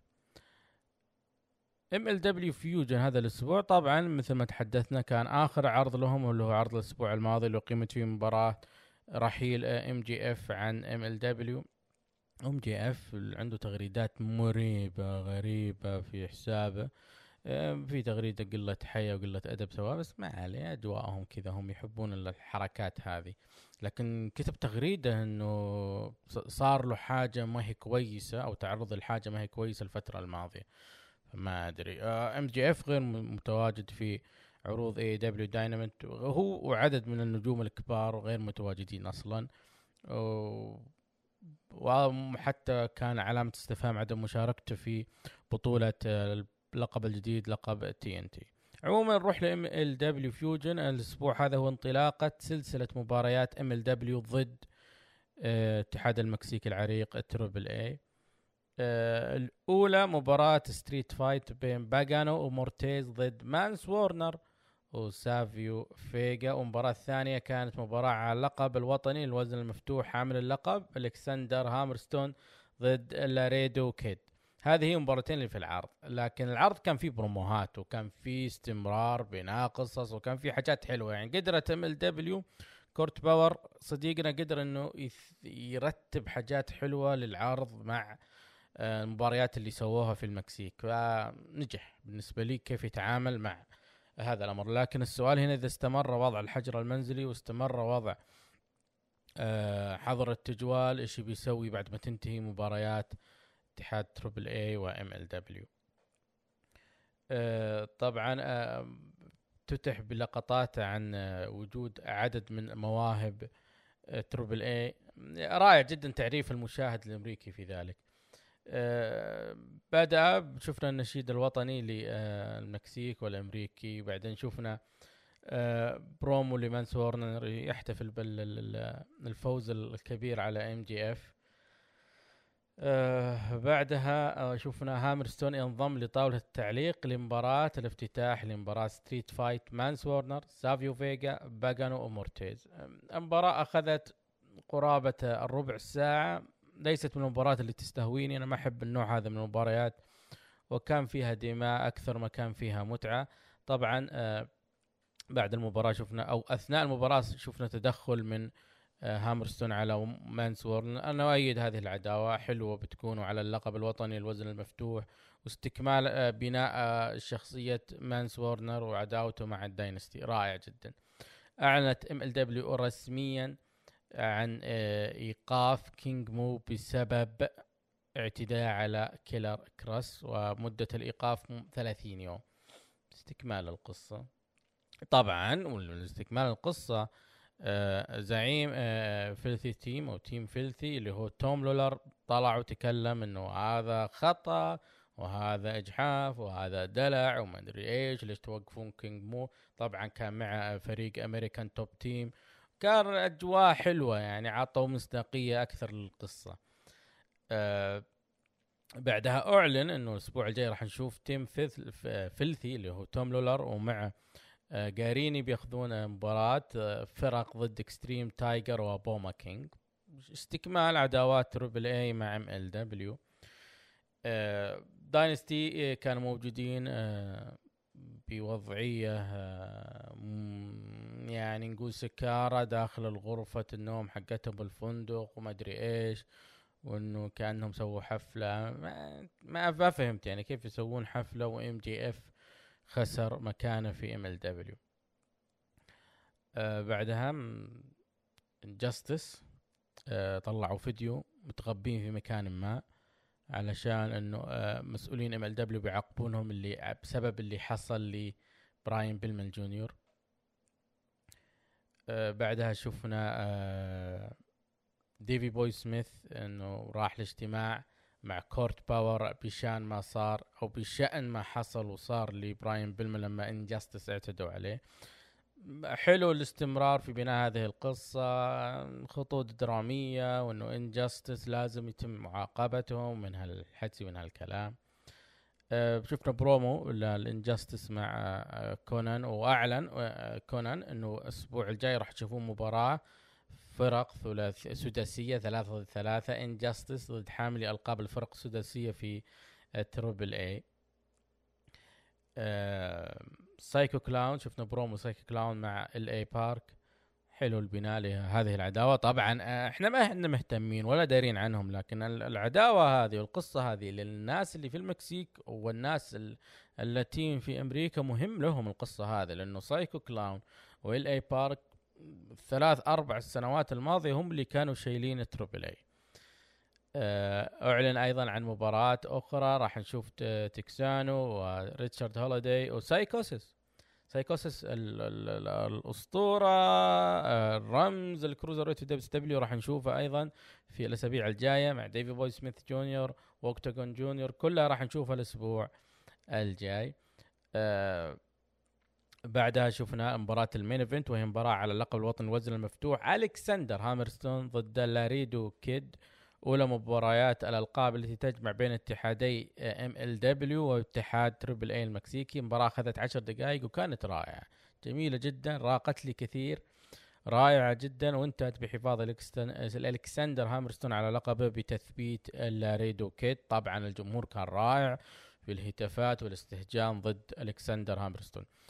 أه إذا أنا بعلق على ال- العروض هذه اللي بتصير بين Triple A و MLW إنه رائع جدا إنه أنا كنت متوقع إنه بس tag team tag team tag ما راح نشوف بناء قصص ما راح نشوف مباريات آه، خاصة لهذه القصص ما راح نشوف بروموهات لكن للأمانة MLW قدروا يتعاملون مع آه، هذه المباريات اللي سووها في المكسيك وقدروا يضيفون لها إضافات كثيرة وطلعت بهذا الشكل الرائع. ساعه على قناتهم اليوتيوب. ينزلون اسبوعيا تشوفه تستمتع. شيء رائع جدا. ما شفنا مباريات كثير. ال tag teams صح إنها مباراتين بالعرض كامل لكن طول العرض كان في بناء لقصص واستكمال لقصص وفصول جديدة للقصص رائعين MLW جدا رائعين. وأقدر أعتبره من أفضل عروض الأسبوع إذا الواحد يبحث عن المصارعة.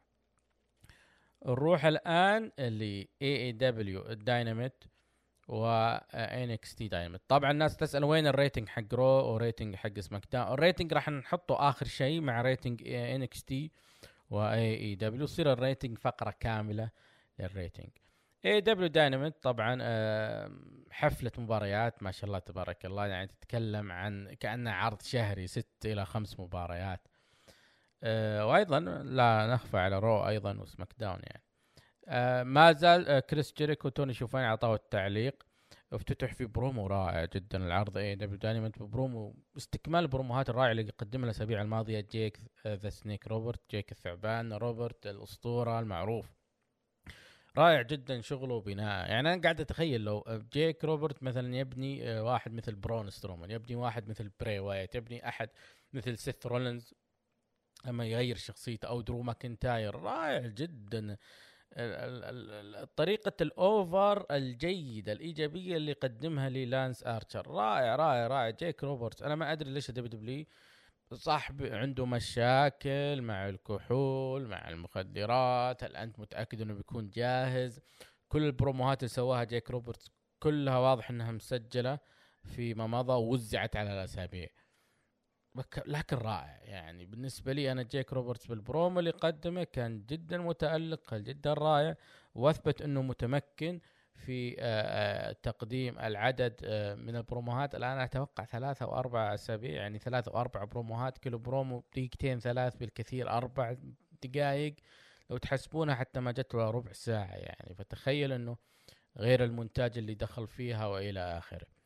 طبعا القهوة الآن جت في كوب رائع جدا جميل. شكرا وسلمت الانامل والأيادي التي سوت هذه القهوة. نكمل الآن لعرض بعد هذا البرومو الجميل من جيك روبرتس.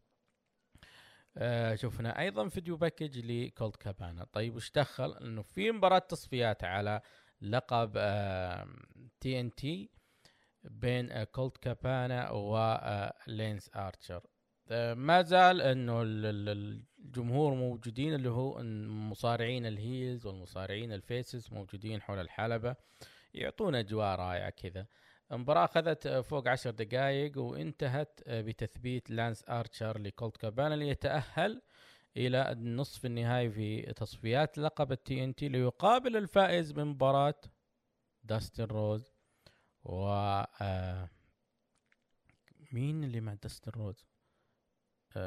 داستن روز آه بيقابل داستن روز واللي معاه اللي هو نشوفها الآن داستن روز مع مين؟ راح نجيها لكن متأكد إنه شون سبيرز كان مع كودي روز لكن داستن روز مع مين هيكون؟ مع مين؟ مع مين؟ أعطونا علق آه, آه كيب سابيان. كيب سابيان مع داستر نسيت كيب سابيان. عنده مباراة اليوم كيب سابيان يعني. فاللينس ارشر راح يقابل الفائز في مباراة النصف النهائي. راح يقابل الفائز في هذه المباراة مباراة نصف نهائي على بطولة TNT. الفائز من داستن روز وكيب سيبيان أنا بالنسبة لي ما زلت متوقع إن داستن روز وراح نشوف بالنهائي داستن روز ضد كودي روز. إلا إذا كانوا يبون لينس ارشر يصل النهائي مع كودي روز علشان جيك روبرتس يقول أنا قايل لك أنا قايل لك يا كودي لا تختبرنا. عموما المباراة كانت جيدة مباراة كانت جيدة رائعة. بعدين آه، شفنا فقرات عدة اللي آه، بريت بيكر اللي هي صديقة آه، بطل NXT آدم كول. بعدين حديث عن عرض Double or Nothing راح يكون بنفس موعده 23 مايو. ما أدري كيف بيسجلونه أو إنهم سجلوه already يعني. آه بعدها آه شفنا فيديو آه شفناه يمكن ثلاث مرات الفيديو هذا أو مجزء لبناء مباراة آه، جيك هيجر وجون موكس اللي بتكون على لقب ال AEW العالمي اللي بتصير في هذا العرض. آه، اللي لفت انتباهي في البروموهات كلها اللي صارت إنه رائعه يعني كانت جيدة آه، فوق الجيدة رائعه رائعه جدا.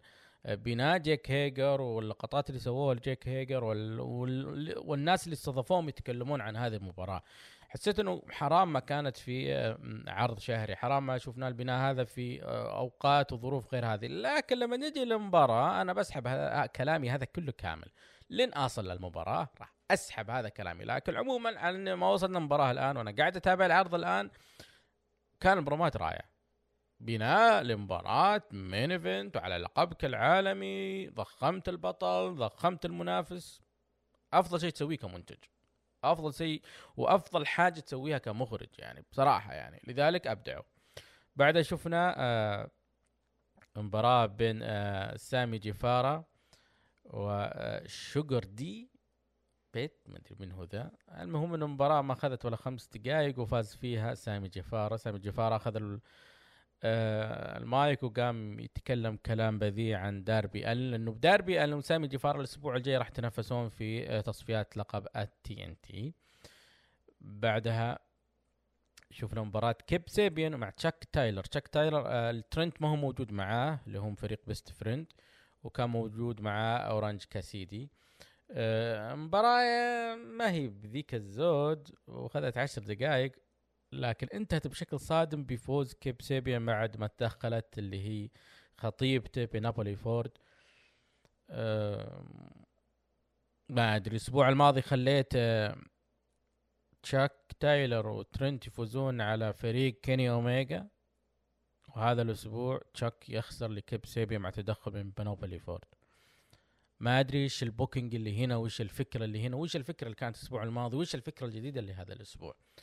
هذا حديثي قبل شهرين لما كنت أتحدث أو أكثر عن إنه AEW Dynamite يطبقون أسلوب وطريقة اللي كان يسويها العاهة الفكرية فينس روسو في عروض WCW إنه كل أسبوع قصص جديدة أحداث جديدة الأسبوع الجاي ما تبني عليها أي حاجة. تبدأ قصص أخرى جديدة أحداث جديدة.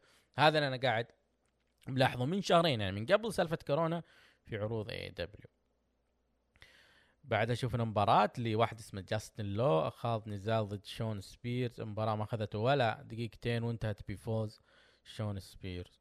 بعدها اعرض أعلنوا عن مباريات الأسبوع الجاي اللي هو أورانج كاسيدي ضد جيمي هافوك طبعا آه، جيمي هافوك أيضا تدخل آه، مع آه، مباراة كيب سيبيان وكان موجود مع كيب سيبيان.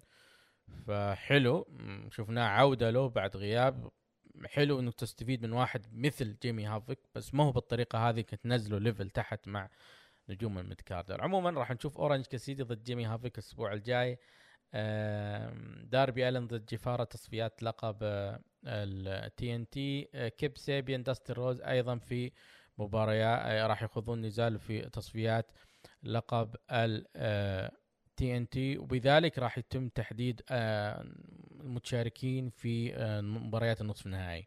الفائز من مباراة آه، أورنج كاسيدي لا آسف. الفائز من مباراة جيف سامي سامي جيفارا الله يقرأ اسمه وداربي ألن راح يقابل كودي رودز في مباراة نصف نهائي. الفائز من مباراة كيب سيبيان وداستن رودز راح يقابل لينس ارشر في مباراة نصف نهائي في بطولة TNT توقعي كودي رودز داستن رودز على آه في المباراة النهائية على اللقب. القصة المفروض الواقعية المفروض إنه اللينس آرشر يفوز على داستن رودز ويقابل كودي في النهائي علشان إعطاء مصداقية للبروموهات اللي يقدمها جيك روبرتس الأسابيع الماضية. مباراة ال main event ومباراة بدون قوانين آه، حلبة فارغة وعلى لقب AEW العالمي الوزن الثقيل جون موكسلي حامل اللقب سيدافع عنه أمام المتحدي جيك هيجر. قبل ما يجي المباراة آه ما عجبني البرومو حق ال Inner Circle والحركات اللي سووها. مرة حسيت إنه over الفكرة over مرة من ناحية زيادة بالسماجه ما حبيتها. أنا أحب أورتيز وعاجبني أورتيز من أيام Impact Wrestling لكن over سماجه غلط. غلط يا كريس جيريكو. واشغلنا كريس جيريكو. شوفوا بيتي شوفوا مطبخي شوفوا عصايري شوفوا مدري إيش.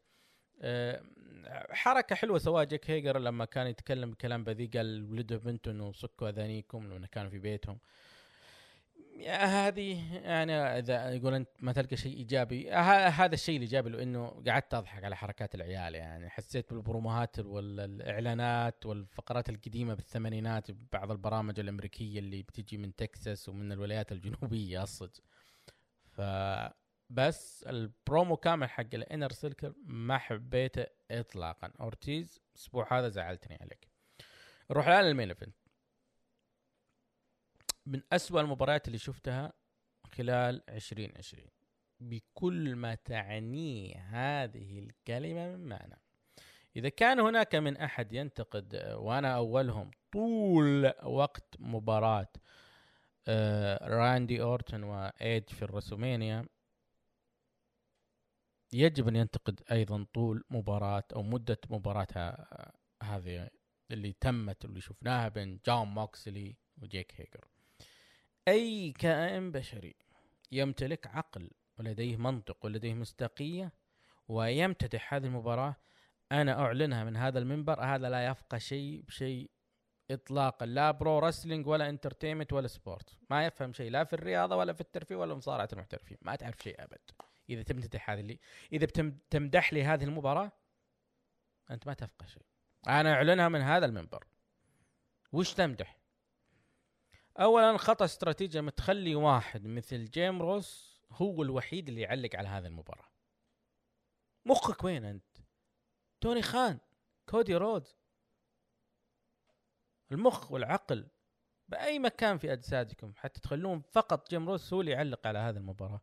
جيم روس ومع ثلاثة ومعه اثنين ومعه واحد في السنوات الأخيرة مو قادر يقدم شيء. وانتقادات كثيرة على طاولة التعليق. يعني كولت كابانا توني شوفاني كانوا مبدعين. توني شوفاني كريس جيريكو مبدعين. الآن كيني اوميجا توني شوفاني كانوا رائعين. استمتعت فيهم. جيم روس انتهى تماما وما راح يضيف لك أي شيء. لكن إنك تجيبه تخليه والحاله ولي وحده. يقدم هذه المباراة. ويعلق عليها. شيء شيء مو طبيعي. يعني كان في سكتات داخل المباراة كان شيء تحتاج لازم يكون معه واحد color واحد يا heel يا face يقدر ياخذ ويعطي معاه ويح- ويحرك يمشي المباراة الميتة أصلا.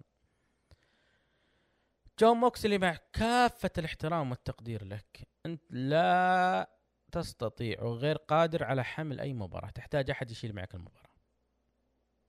مسكين جيك هيجر. a.k.a جاك سواجر كلنا نعرفه كلنا نعرف مين هو هو جاك سواجر والمباراة هذه فضحته. المباراة هذه عرته المباراة هذه كشفته للجميع. okay مقاتل MMA مصارع آه، من يعني في مصارعة الهواء رقم واحد ما نقول شيء. لكن ك pro wrestling تحتاج أحد يشيلك. تحتاج يا جيك هيجر يا جاك سواجر أحد يشيلك. للأسف الشديد إنك ما وفقت وطحت بواحد مثل جون موكسلي.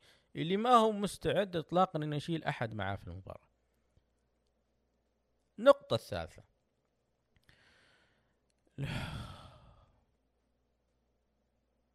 جيك هيجر كان لك مباراة مع داستن رودز اللي هي بالعرض ريفولوشن كانت ربع ساعة وكانت مقرفة. بس إن داستن رودز قدر إنه لأنه احت... 30 سنة على الأقل خبرته قدر يمشيها الربع ساعة ذي. جيك هيجر جاك سواجر ما أنت حق مباريات فوق الخمس دقائق أنت من نمونة ومن طينة جولدبرغ. تبلش بعمرك لكن المشكلة وين؟ المشكلة إن جولدبرغ ما هو مصارع هواء ما عنده خلفية مصارعة هواء أو مقاتل محترف. يعني لاعب كرة قدم وراح للمصارعة. أنت المفروض إنك تتعلم technical تتعلم عدة حركات لأن في نفسك ناس دخلوا لعالم المصارعة وقدروا يسوون شيء فارق من نفس الخلفية اللي أنت جاي منها. كيف ما تقدم شيء بالمباراة هذه؟ مو طبيعي يعني إن خمس دقائق بعدها توقف. 25 دقيقة طالع ملل. يحسب لهم حاجة واحدة إنه أغلب الوقت كانوا في الحلبة هذه يحسب لهم. لأنه المباريات هذه اللي بدون قوانين ووقت طويل يجب أول شيء تكون فيها جمهور عشان لما تتنقل من مكان إلى مكان آخر من موقع إلى موقع آخر داخل القاعة يكون الجمهور معك يحييك ويحركك. اللي شفته هذا مرة مرة مرة زعلني مرة حزني لأنه في شغل على مبني على هذه المباراة. قاعد لك ثلاث أسابيع تبني عليها واحد اثنين. اشتغلت في promoهات تسويقية لهذه المباراة ثلاثة. مباراة المفروض تكون تحدي كبير وضخم اللي دين أمروز أو جون موكسلي وجيك هيجر. الآن أنت دمرت جيك هيجر. لأنه المباراة انتهت بفوز وحفاظ جون موكسلي على لقبه. بعد أكثر من نص ساعة مباراة ما فيها أي شيء يجعلك تقول إنه wow yes spot هذا حلو الحركة اللي هنا جميلة. ما فيها شيء ما فيها شيء. ويجيك تاز يروح يكتب لي ذيك التغريدة يتكلم عن جمال المباراة. اقسم بجلال الله انك تاز انك مطبل وواضح انك تلعق الرجلين. كيف تقول الكلام هذا عن هذه المباراة؟ الفضيحة. هذه فضيحة ذي هذه دليل انك انت بلشان بالوقت وتعبي. نص ساعة تعبيها بهذه الطريقة. والدليل أكثر على كلامي إنه بعد مباراة ثلاث دقائق ما شفنا شيء. جون موكسلي يكلم الكاميرا. ثلاث دقائق بعد نهاية المباراة. جون موكسلي كلم الكاميرا وبعدها وإلى هنا نصل لختام حلقة هذا الأسبوع ودمتم بود يعني بأسلوبه الآن. وقفلوا العرض الأسبوعي. ثلاث دقائق بعد الم... يعني ما حد دخل يعتدي على جون موكسلي ما حد دخل من ال Inner Circle يطلع جيك هيجر ما- ولا شيء. ولا حاجة. ثلاث دقائق بعد نهاية المباراة جون موكسلي يكلم الكاميرا وحتى ما قدم برومو رائع أو شيء. لذلك أنا أعطي تصنيف العرض آه، خمسة آه، من عشرة. وبالنسبة لي أرى أنه آه، ما في أي أحد أقدر أقول أنه نجم العرض للأمانة يعني لأن المباراة هذه للأسف الشديد كانت مخيبة جدا جدا جدا جدا للآمال آه، نروح لعرض NXT العرض آه، أقيمت فيه آه، عدة مباريات. آه، جميل جدا العرض. لا أحد يقول أنت غير متحيز أو متحيز. أنا العرض كان رائع كان جميل كان في بناء كان في شغل. العرض افتتح فورا آه، بمباراة فين بلر وفابيان آه، أكنر. آه، الوضع واضح قدامكم ما في شيء يخص NXT UK وكان في قصة مهمة لفين بلر هناك. راحوا رجعوها هنا في NXT UK أو من NXT UK ل NXT حتى يختمونها يبدون بقصة جديدة وهذا فعلا شفناه في العرض. ختموا قصة فين بلر مع إمبريوم عشان يفتحوا له قصة جديدة راح نشوفها. مباراة رائعة جدا حبيتها. أخذت فوق آه، 11 دقيقة وانتهت بفوز فين بلر بعد تثبيته لفابيان أكنر. طبعا آه، المباراة كان فيها مارشال مارتيل كان موجود وصار في عدة تدخلات منه. في المباراة لكن مع ذلك هذا لم يمنع فين بلر انه يفوز.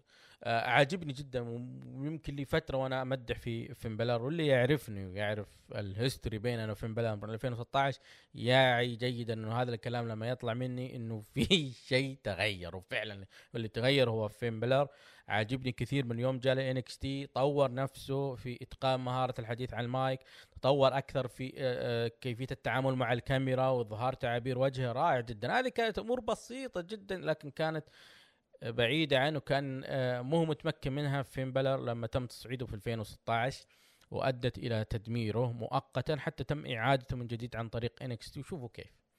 بعدها شفنا آه، برومو مسجل لتشارلوت آه، برومو رائع استكمال لحديثه اللي قالته في عرض Raw.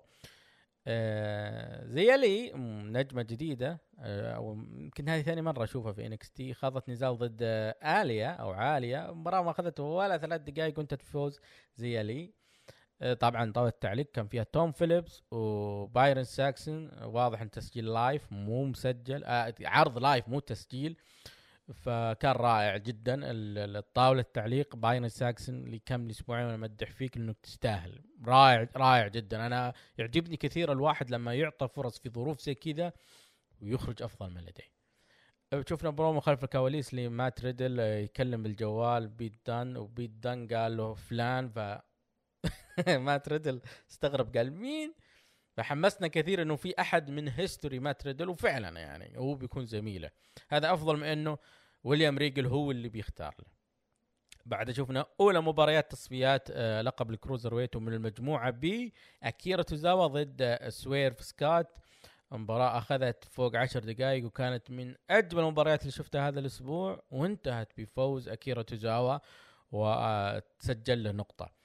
واضح هنا إنه طريقة التسجيل النقاط إنه إذا أنت فزت مباراة نقطة مباراتين نقطة وهكذا. يعني ما هي إنه مثل بطولة ال G1 إنه الفوز في ثلاث نقطتين التعادل نقطة. يعني لا هذه لا.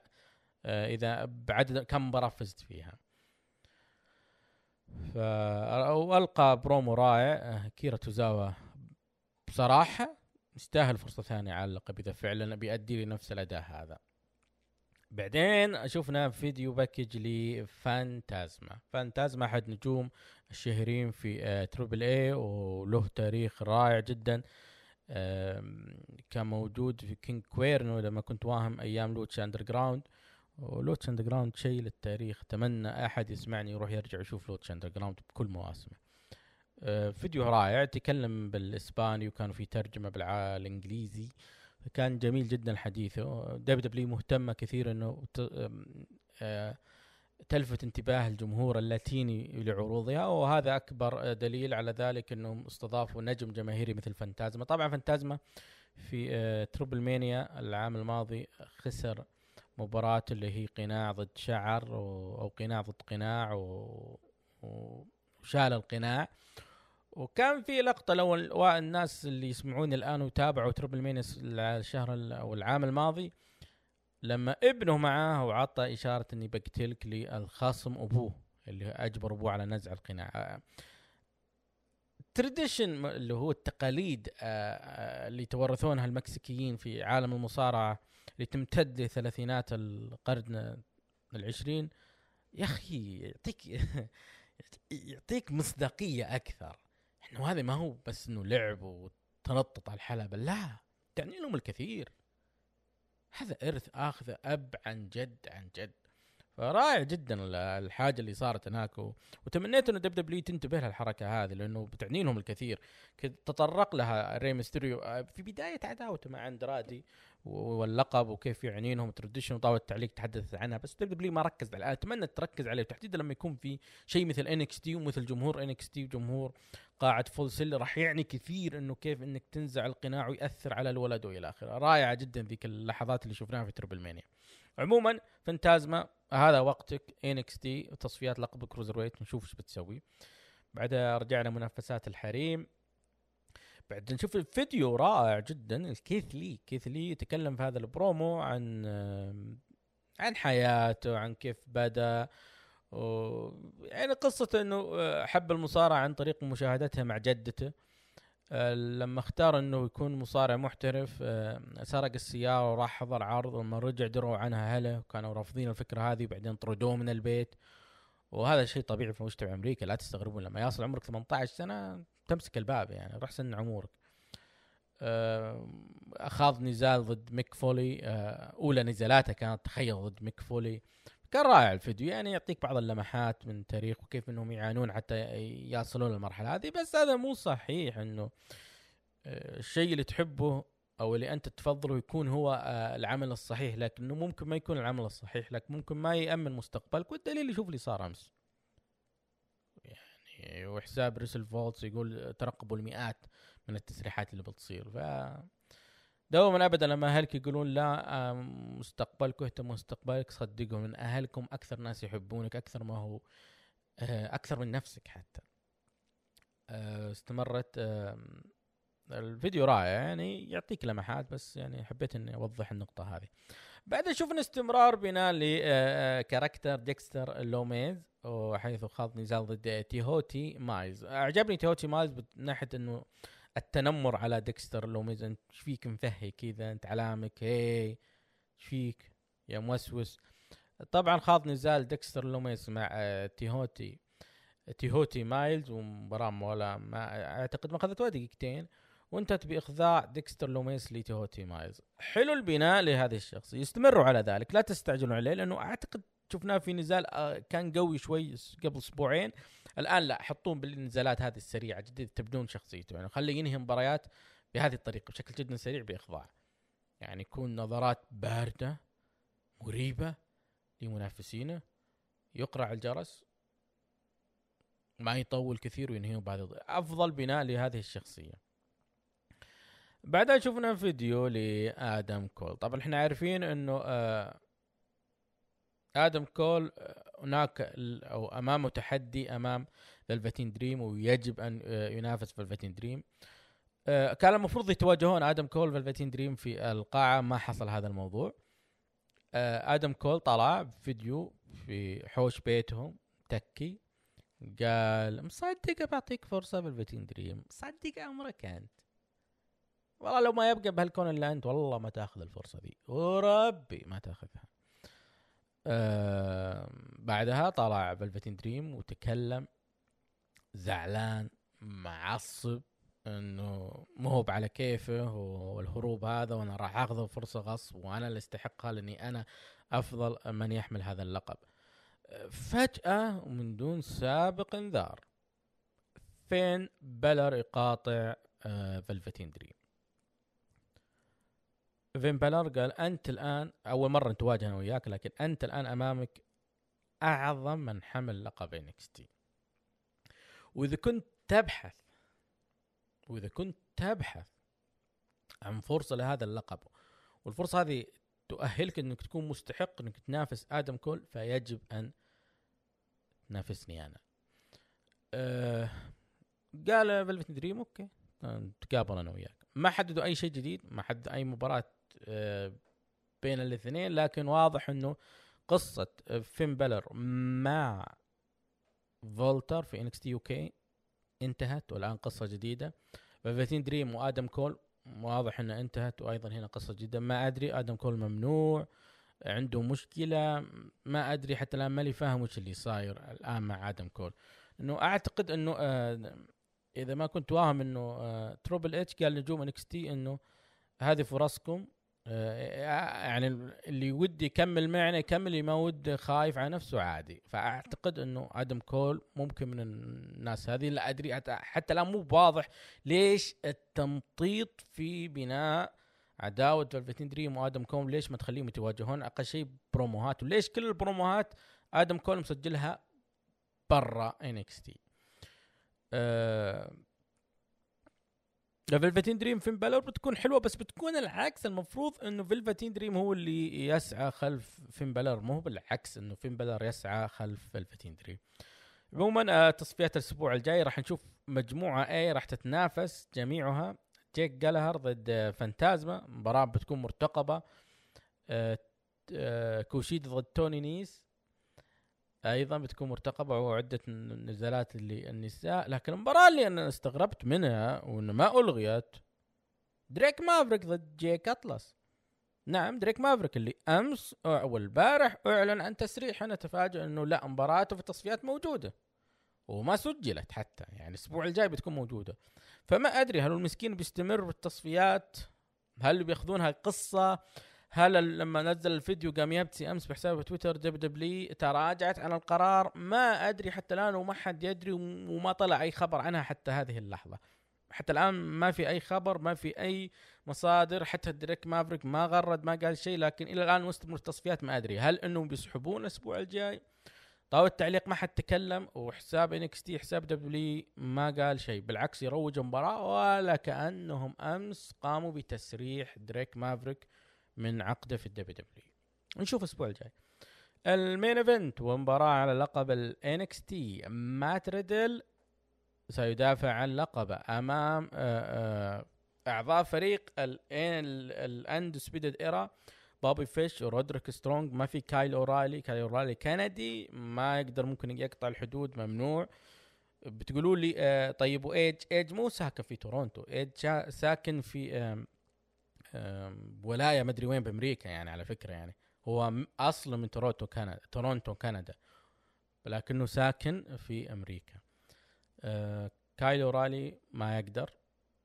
حتى ترى ناتالي وتايسون كيد كنديين لكن ساكنين في فلوريدا على ما كنت يعني ميامي أو أورلاندو والله ناسي.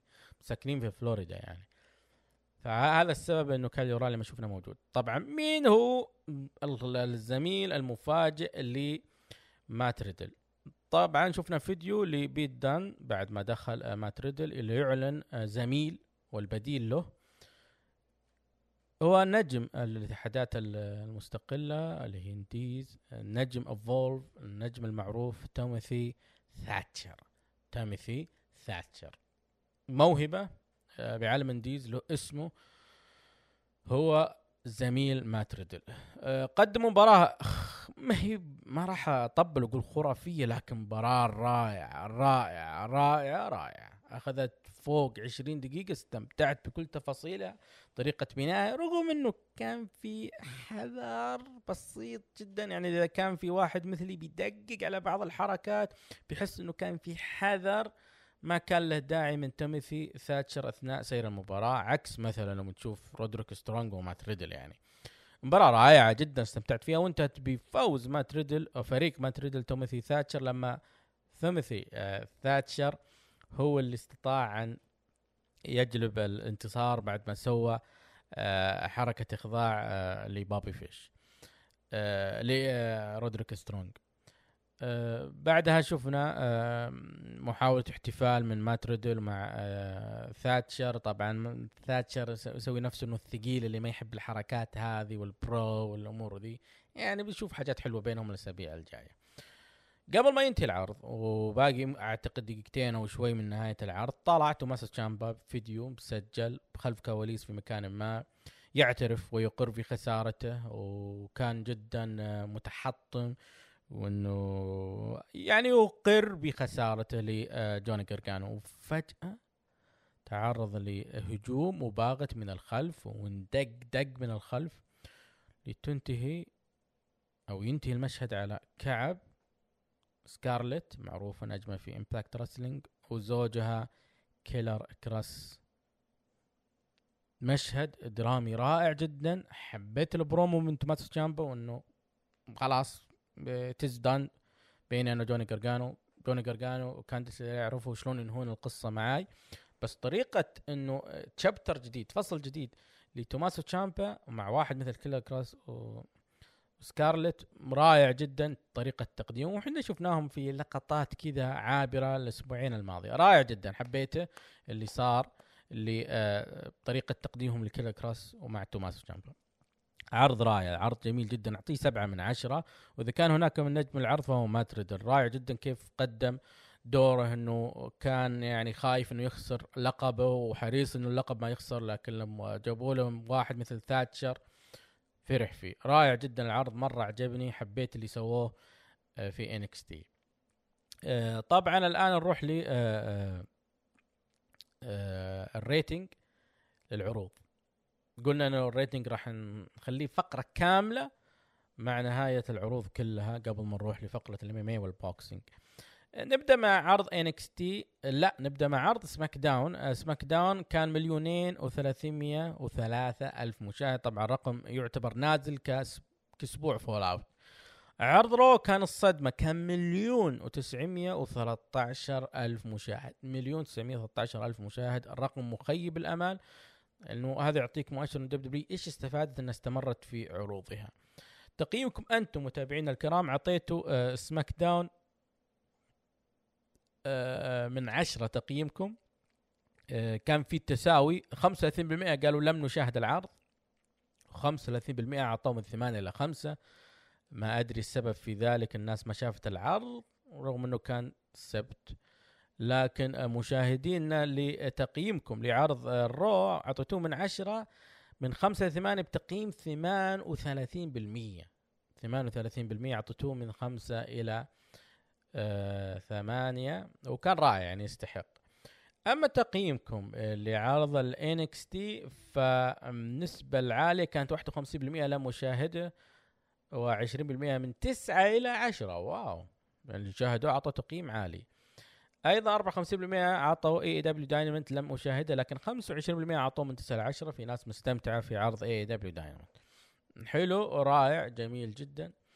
آه كنتم آه رائعين في. آه يعني اعطى شيء لعروضكم. واضح إن تبون مباريات أكثر لأنه NXT مع AEW Dynamite كانت مبارياتهم كثيرة. آه، آه، أما ال rating المشاهدة ل AEW NXT للمرة الأولى من NXT تت... من فترة أعتقد NXT تتفوق بال rating على AEW Dynamite حيث كانت NXT الأسبوع الماضي 693 ألف مشاهد بينما AEW Dynamite حقق 692 ألف مشاهد الفرق بينهم ألف مشاهد.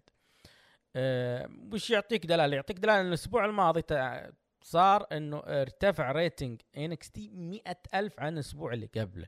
بينما عرض AEW انخفض عن الأسبوع اللي قبله ب 20 ألف. يعني أرقام أرقام حلوة أرقام رائعة جدا. نشوف عاد إيش بيصير الأسبوع هذا كيف بتكون الأرقام عليه. وتحديدا انه العرضين كان فيهم مباريات كثير. مركز البدر التقني واتصالات متوفر. عندهم كافة أنواع الأجهزة من جوالات وأيضا تابلت وأكسسواراتها. كذلك عندهم صيانة على مدار الساعة وعندهم أيضا التوصيل متوفر. مركز البدر للتقنية واتصالات في شارع الصلحية بمحافظة عنيزة. نروح لعالم ال MMA وال boxing والملاكمة وش اخر أخبارهم. طبعا لا صوت يعلو في عالم ال MMA عن الحديث عن عرض UFC 249 حبيب نورماجيدوف توني فيرجسون حبيب ما قدر يجي. قالوا خلاص نختار مباراة ثانية لتوني فيرجسون والعرض راح يتم. لكن بعدها ب 24 ساعة دانا وايت رئيس UFC يظهر علنا على ESPN ويقول رسميا عرض 249 لن يقام وتم الغائه والسبب إنه آه، المسؤولين في ESPN ضغطوا علي إني ألغيه. ومع ذلك دانا وايت يقول إنه UFC راح تركز على العرض الجاي وهو UFC 250 واللي بيقام 9 مايو يعني بعد شهر تقريبا. لكن حتى الآن هو كان المفروض في البرازيل وسحبوه لكن حتى الآن لا نعلم أين سيقام سيحدد. طبعا هو أعلن قبل إنه كان في جزيرة مستاجرينها فما ندري إيش بيصير. لكن إذا ESPN رفضت إنها تبث وأجبرت على إلغاء UFC 249 كيف بتوافق على 250 ومع ذلك الشغل شغالين UFC على إنه لا عرض 250 راح يتم. تقارير تتكلم من كريس وايدمان ضد يويل روميريو النزال الثاني سيحدث في عرض UFC 250 أيضا توني فيرجسون وافق على قتال جاستن جيتشي في عرض UFC 250 أريال حلواني المعروف المحلل والناقد المعروف يقول إنه عندما تعود ال UFC للعمل أتوقع أن تعود وبقوة. لا أستغرب أن نرى الخميس والجمعة والسبت مليئة بالعروض. دانا وايت. لا زال مصرا على إقامة 42 عرض في السنة. بمعنى إنه المفروض إنه الآن إلى نهاية 2020 على من الآن إلى نهاية 2020 على UFC أن تقيم 42 عرض. دانا وايت تعهد إنه راح مسويهن مسويهن. لذلك أعطاك اريال حلواني سوى لك حسبة بسيطة إنه قد يضطر إنه يحط في الشهر الواحد ثلاث عروض متتالية. ثلاث عروض متتالية خميس جمعة سبت خميس جمعة. فممكن عشان يخلص 42 عرض. ما أدري هل هو إجبار من ESPN ما أدري وش السالفة ما أدري وش الهرجة اللي صايرة لكن أعتقد ما هو ب بكيف دانا وايت ولا أيضا بكيف WWE تكلمنا عنها. هذا وضع يتعلق بنفس الولايات هل هي راح تقبل أم لا. عالم الملاكمة ما في أي خبر إلا أن المروج الشهير والمعروف بوب أروم آه، وأيضا لقاء مع شبكة ESPN قال أنه سيتواصل مع ال WWE لاستخدام مركزهم التدريبي في أورلاندو لأجل إقامة عدة نزالات خلال الصيف. هذا الخبر مهم لأنه ال WWE تعتبر من الأعمال الأساسية اللي توافق فيها آه، ولاية فلوريدا أنه آه، يعني لا يقام عليهم نظام الحظر التجوال والحجر المنزلي. وانهم يقيمون عروضهم في مركزهم التدريبي. فهذا القرار قد يفتح المجال للدبليو وهذا كان من ال WWE يعصج إذا فكروا فيها. إنه نأجر على مثلا الملاكمة على ال MMA على AEW على أي عرض ثاني راح تعالوا نأجر عليكم آه، مركزنا التدريبي. آه، رائعة فكرة حلوة وفعلا أنا آه، بس إنه المهم عندي أنا نقطة سلامة المصارعين. نروح الآن لاستفتاءاتكم الأسبوعية. برومو الأسبوع كان عندنا بري وايت من SmackDown شارلوت فلير من Raw توماسو تشامبا من NXT وجيك روبرتس من الأسبوع ما أدري كم من AEW Dynamite حتى الآن برومو بري وايت هو المتصدر بنسبة 39% مباراة الأسبوع آه بران سترومان ناكامورا في SmackDown Viking Raiders ضد ريكوشي سيدريك ألكسندر من عرض Raw. سويرف سكوت اكويرا توزاوا في NXT ومات ريدل وتيميثي تاتشر ضد بابي فيش ورودريك سترونج في عرض NXT وحتى الان مباراة لقب فرق عرض NXT هي المتصدرة بنسبة 48% نجم العرض عندنا بران سترومان من SmackDown درو ماكنتاير من Raw فين بالور من NXT ومات ريدل من NXT حتى الآن متصدر وبنسبة عالية 67% درو ماكنتاير. عرض الأسبوع عندنا سماك Raw و AEW Dynamite و NXT حتى الآن Raw و SmackDown. لا NXT متصدرة بنسبة 36% على بقية العروض الأسبوعية. نروح لمشاركاتكم في عدة مشاركات لكم في الهاشتاج. نبدأ مع فينال سعد أبو تلف يقول عرض SmackDown كان جميل. promo ال Dirt Sheet كان جميل. واقتبس من ميز. حرام عليكم ال Usos قاطعتوا الأغنية. ما أدري ليش عندي إحساس إن ال Forgotten Sons بينجحون بال main roster. أنا شخصيا يعجبوني بس ما خذوا حقهم في NXT ممكن ليش لا؟ عندنا أمثلة عن الناس ما نجحوا في NXT ونجحوا في ال roster الرسمي. بران سترومان اليكس بليس وغيره. برومو بيلي ساشا وتامينا كان حلو وبيلي صراحة كعادتها تبدع. مباراة سترومان شينسكي كانت لإظهار قوة سترومان تمنيت يكون في. في أخذ وعطى بين الاثنين. عموما اللي بعد المباراة صار المباراة اللي أبيها من آه، الصيف اللي طاف. ما له داعي أقول سيناريو أو شيء. الماضي اللي بينهم يكفي لأن برون كان بالظلام بالسابق مع بري فعشان كذي وافق إنه يدش. أتمنى الفائز ب Money in the Bank يكون إلايس.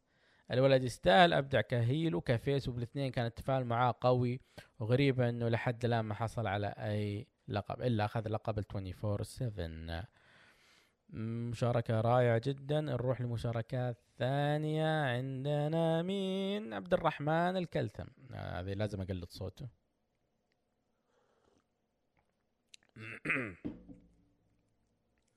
كذا يتكلم. Raw هذا الأسبوع برعاية زيلينا فيكا والمقابلات كثرة تدخلات في العرض كانت مغص. لأن شبه تهديد درو ماكنتاير برومو سيث رولينز الغامضة حلوة برومو تشارلز جميل لكن الأفضل إنه يكون في NXT. ومباراة عودة ال Viking Raiders حلوة.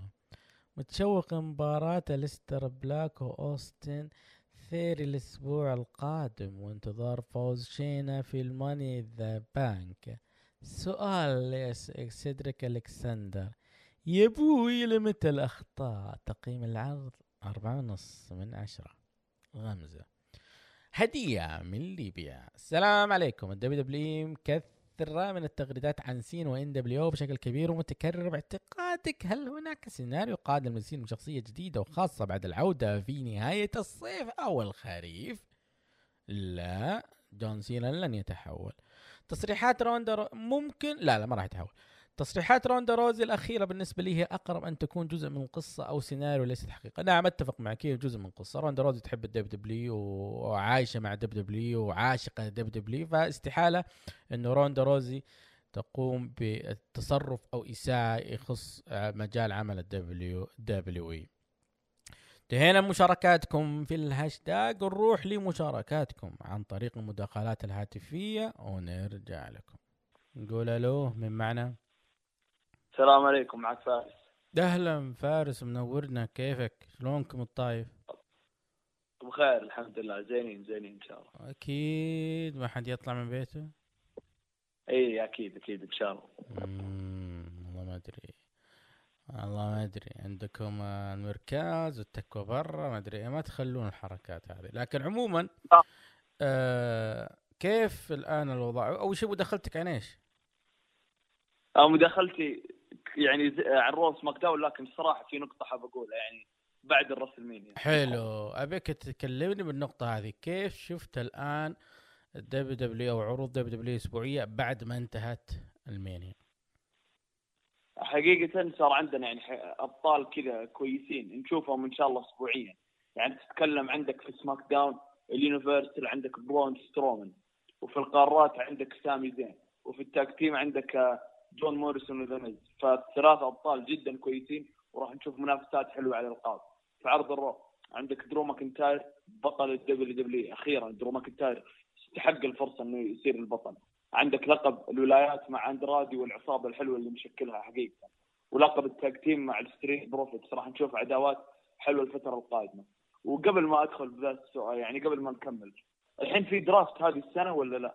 إحنا متعودين بعد ال WrestleMania آه ما تدري هو هو بعد ال WrestleMania هل يكون قبل ال SummerSlam هل يعني ما, ما عندهم توقيت محدد وانت عارف الآن الأوضاع كيف قايلة في العالم كله بدونهم آه لكن. أتوقع إذا كان في draft لأنه احتمال بيكون في draft لأنه تم التصعيد رسمي شفنا كم نجم من NXT سواء في SmackDown أو في Raw ف Raw تقريبا صعد أوستن ثيوري و SmackDown Forgotten Sons صح؟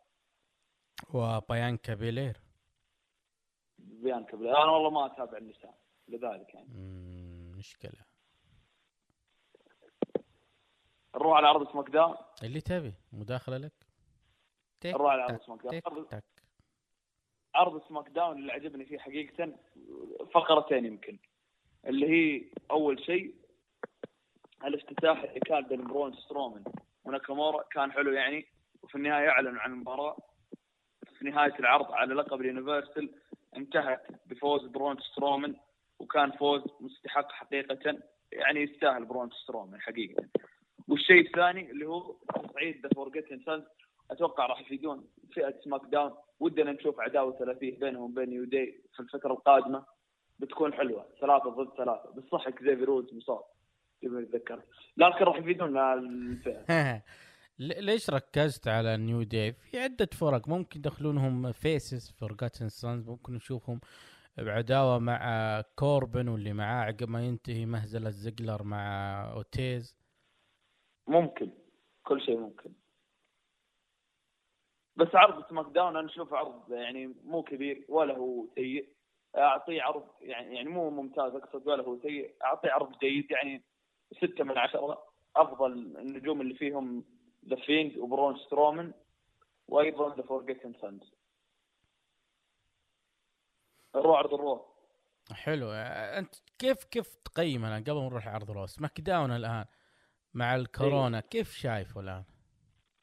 شايفه ماشي على الرتم الكويس. بس أنا أشوف إنه يعني في فقرات لو إنهم أظهروا إن لقب القارات كان بيكون أحسن. يعني ودنا نشوف سامي زين ذا الأسبوع. جميل. عطنا Raw Raw. عرض Raw أيضا يعني كان بالصراحه عرض Raw شفنا مباريات أكثر لكن أغلبها سكواش يعني زي حقت انخل جارزا وأوستن ثيوري تقريبا على طول سريعه عدة آه لكن عرض ال Raw في عدة نقاط عجبتني في العرض وأبرزها هي البطل الجديد درو ماكنتاير. ومواجهه أندرادي حقيقة كانت مباراة جدا جدا جدا ممتعة ورهيبة وفوز مستحق تماما لدرو ماكنتاير. لكن بعد المباراة شفنا تدخل سيث رولينز واضح راح نشوف انطلاقة العداوة بين سيث رولينز وماكنتاير في Money in آه رأيك العداوة هذه أفضل شيء قدم لدرو ماكنتاير كبداية مسيرته كحامل لقب ال WWE إنه يكون واحد نعم. مثل سيث رولينز هو منافسه نعم مضبوط. ليه؟ مناسب درو ماكنتاير يواجه اسم زي سيث رولينز لو قدم درو ماكنتاير راح يرفع من آه، اسم درو ماكنتاير أكثر وأكثر خاصة بعد ما هزم بروك ليزنر ما تحس أنا ب... اسم أنا. بعطيك ليش أنا أنا من المؤيدين لها طبعا يعني وأنا من ال... الناس اللي طالبوا فيها من قبل المينيا وأنا أتمنى وأرجو من ال... من العام الماضي وأنا يعني الأول ما؟ آه هي كنت صارت 2017 بس كانت يعني ما هي ذيك القوة لكن من وقتها وأنا طالب ان اثنين قادرين يقدمون بروموهات هذا اللي أنا أقصده لكن تحس إنه ودك إنه سيث رولينز درو ماكنتاير تأخرها شوي تحس إنها هي يعني تكون مثل ما تقول لا مو بغض النظر وش العرض أنا أقصد إنه ودك إنه درو ماكنتاير يتدرج يعني ياخذ مرحلة أولى فلان بعدين ينتهي منها على فلان لين يصل إلى سيث رولينز فهمتني؟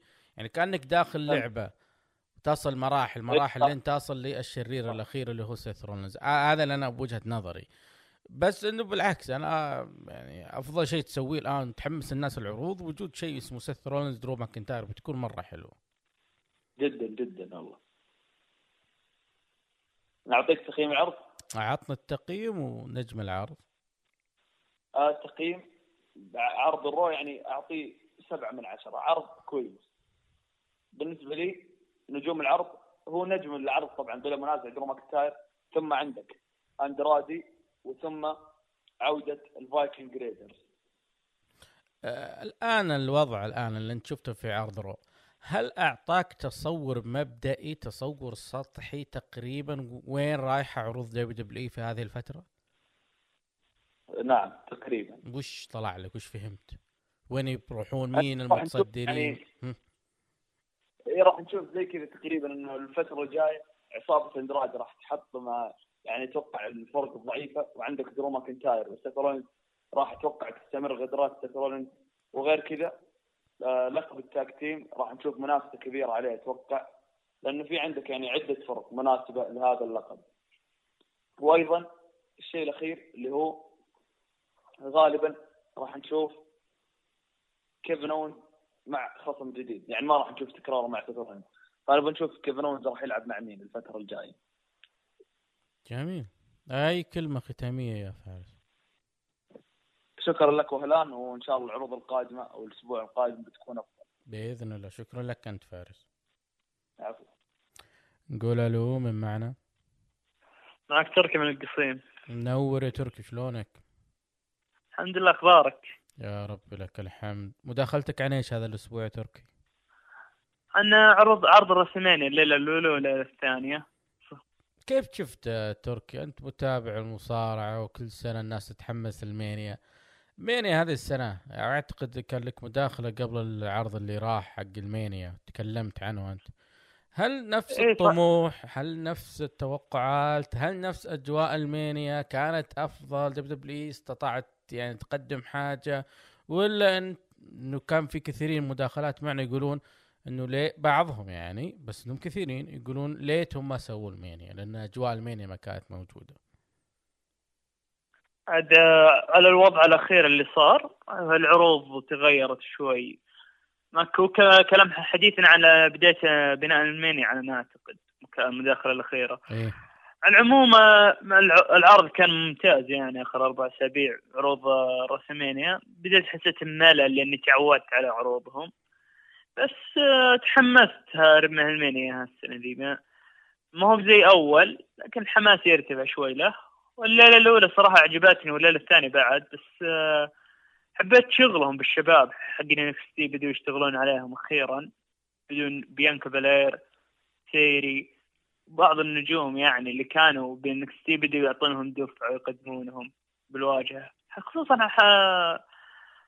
مباريات مسجلة بعد آه، كانت اندرتيكر وسي اندرتيكر وستايلز الليلة الأولى والثانية بري وايت وجون سينا حبيت النزالات اللي بوه خصوصا النزالات المسجلة كانت ممتازة.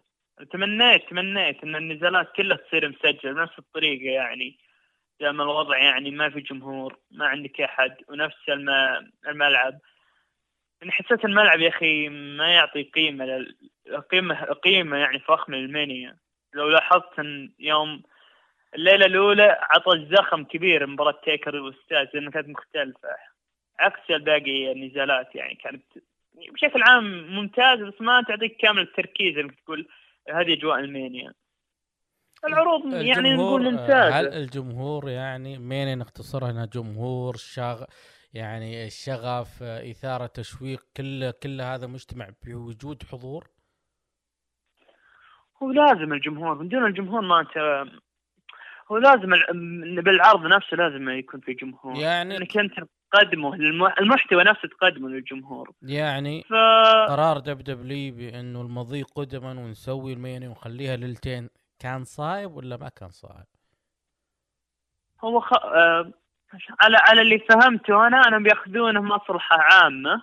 ف أنا شفت قرار مستعجل الصراحة. ما فكروا ب ما فكروا بوضع الاقتصاد. يعني قالوا خلاص خلونا نقدم على القرار ذا ونشوف أفضل وقت له. في فكرة مست... في فكرة طرحت إنه ليش الدبليو دبليو ما تعاملت مع ألمانيا مثل ما تعاملوا انكس تي مع التيك أوفر؟ انه اخذوا المباريات ووزعوها عرض الاسبوعي.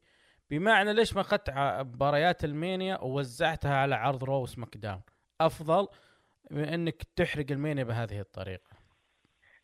هي بتكون حلوة لكن حسيت بتصير ما له طعم. لو حطيت عرض الرو مثل رسمينيا فما تفرق كانت. بشكل عام يعني ما في شيء راح يختلف لو حطيت النزال هذا بعرض الرو سماك داون لأن نفس الإخراج نفس آه، النجوم يعني تقدمهم. صار اللي صار يعني بس الحمد لله يعني طلع طلعنا بليلتين حلوة الليلة الأولى والليلة الثانية. مع إني أحب الليلة الأولى يعني أكثر صراحة لأنها عجبتني كبداية. أه، تحس إنه في شيء جديد مختلف في الع... بغض النظر عن أجواء المانيا كانت محرومين منها. لكن أنا أقصد بطريقه المباريات بطريقه تقديم الشخصيات ب يعني مثلا عندك مثلا مباراة راندي وايج هل حسيت إنه أضافت فرق أضافت شيء مختلف لبناء جديد بناء مبتكر أفكار جديدة يبنون عليها ولا أنت حسيت إنه لا بس عبي وقت وعبي الكارد وخلاص؟ لا أنا حسيت في نزالات أدت غرض ومفعول لأنها قدمت بطريقة مختلفة وفي نزالات المكان ما سمح إنك تحطه هنا. والوقت حقه ما كان يساعد. وفي نزالات لازم تسويه آه، لأنك لازم تخلص منها القصة فاللي صار اللي صار بكل الأحداث هذه ترى كان وضع صعب. يعني لازم قرارات مستعجلة. في أكيد قرارات صح وقرارات خطأ وفي قرارات لازم تسويها مهما كان. وفي قرارات انغصبوا عليها نفس المسؤولية حق الدبليو دبليو اي فالوضع العام يعني نقول أن العرض يعني طلعنا بأفضل الأوضاع. أه، بغض النظر ما في جمهور و... وكان فيها الحماس قل فطلعنا بأفضل شيء في العرض. 16 مباراة مع مباراتين kick off إذا تقدر تركي تعطيني أفضل ثلاث مباريات وأفضل ثلاث نجوم في الليلتين. هو بشكل عام أنا ما شفت ال kick off صراحة يعني فما ركزت عليه كثير. عكس المباريات الرئيسية ركزت عليها في الليلة الأولى فقط.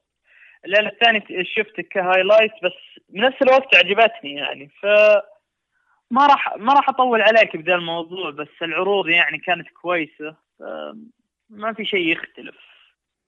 لا أنا أقصد آه، ال Mania كاملة الليلتين. أبرز ثلاث مباريات اعجبتك وثلاث نجوم في الليلتين. هو أفضل أفضل ثلاث نزالات بنفس العر... بنفس الليلتين كنت بحط الليلة الأولى. اندرتيكر ضد اي جي ستايلز مم. وعندك بالليلة الثانية اللي هو اللي هو بري وايت جون سينا وبعد عندك نزال هو فيه نزال بعد لقب ال universal كان سريع يعني مختصر فما كان في تركيز عليه. كحدث يعني كلحظة وحدث وعندك ال main ال main event بعد. اختصر وقت علينا. بشكل عام العرض يعني كان كويس يعني كنزالات و... وق- وقصة يعني بالموضوع. لا أبرز النجوم اللي شفتهم في الليلتين. بشكل عام أنا شفت النجوم اللي ش... اللي برزوا يعني ك بيانكا بالير في عندك بعد آه، ريا ريبلي. في عندك بعد The Street Profits بدوا أخيرا يستغلونهم صح؟ وفي نجوم كثير والله لو تعد من اليوم لبكرة فما. ما تقدر تتخلص منهم لأن في نجوم بدوا يدفعونهم تحس آه، مثل آه، WrestleMania 21 فيز يوم يوم كل النجوم انطلقوا الواعدين باتيستا أورتن سينا كل النجوم كذا انطلقوا تحس نفس الوضع قاعد يصير يعني ف يعني كويس بشكل عام في نجوم بدوا يطلعون في نجوم لسه بدري عليهم بس هذا الوضع اللي قاعد يصير يعني إذا مع الختام المداخله إذا عندك توقع تنبؤ الخط في ال WW من ناحية القصص من ناحية أهم الشخصيات اللي بنشوفها الفترة الجاية مين؟ سواء في Raw أو. SmackDown. أنا أتوقع أتوقع إن العروض الجاية بتكون في تركيز على الأبطال يعني أبطال العالم خصوصا عرض ال Raw اليوم. حتى عرض SmackDown بيركزون على بري وايت برون سترومان من SmackDown وبيركزون على سيث رولن بيرجعونه بقوة. مع إني استغربت ليش خلوه ينهزم من أوينز. بس بيحاولون يرجعونه للواجهة مرة ثانية. مع إنه غير منطقيه بالنسبة لي. ودرو ماكنتاير بيركزون عليه بيصنعون فيه البطل يعني كبطل وحش مغوار ما ما حد ما حد يقف طريقه. أنا متحمس يعني بشوف تأسيس جديد يعني تركيز على النجوم اللي يشتغلون ويتعبون يعني. متفائل في الموضوع. إن شاء الله كلنا متفائلين. أي كلمة ختامية تركي؟ مشكور على المداخلة هذه وكان واستمتعت بالعرض واستمتعت بهذه المداخلة إن شاء الله ومن الجايات إن شاء الله نعيده شكرا. لك تركي. عفوا. وإلى هنا نصل لختام حلقتنا هذا الأسبوع كان معكم دحيم العلي من الأخراج وأهلا من الإعداد والتقديم ونقول لكم نراكم بإذن الله الأسبوع القادم ودمتم بود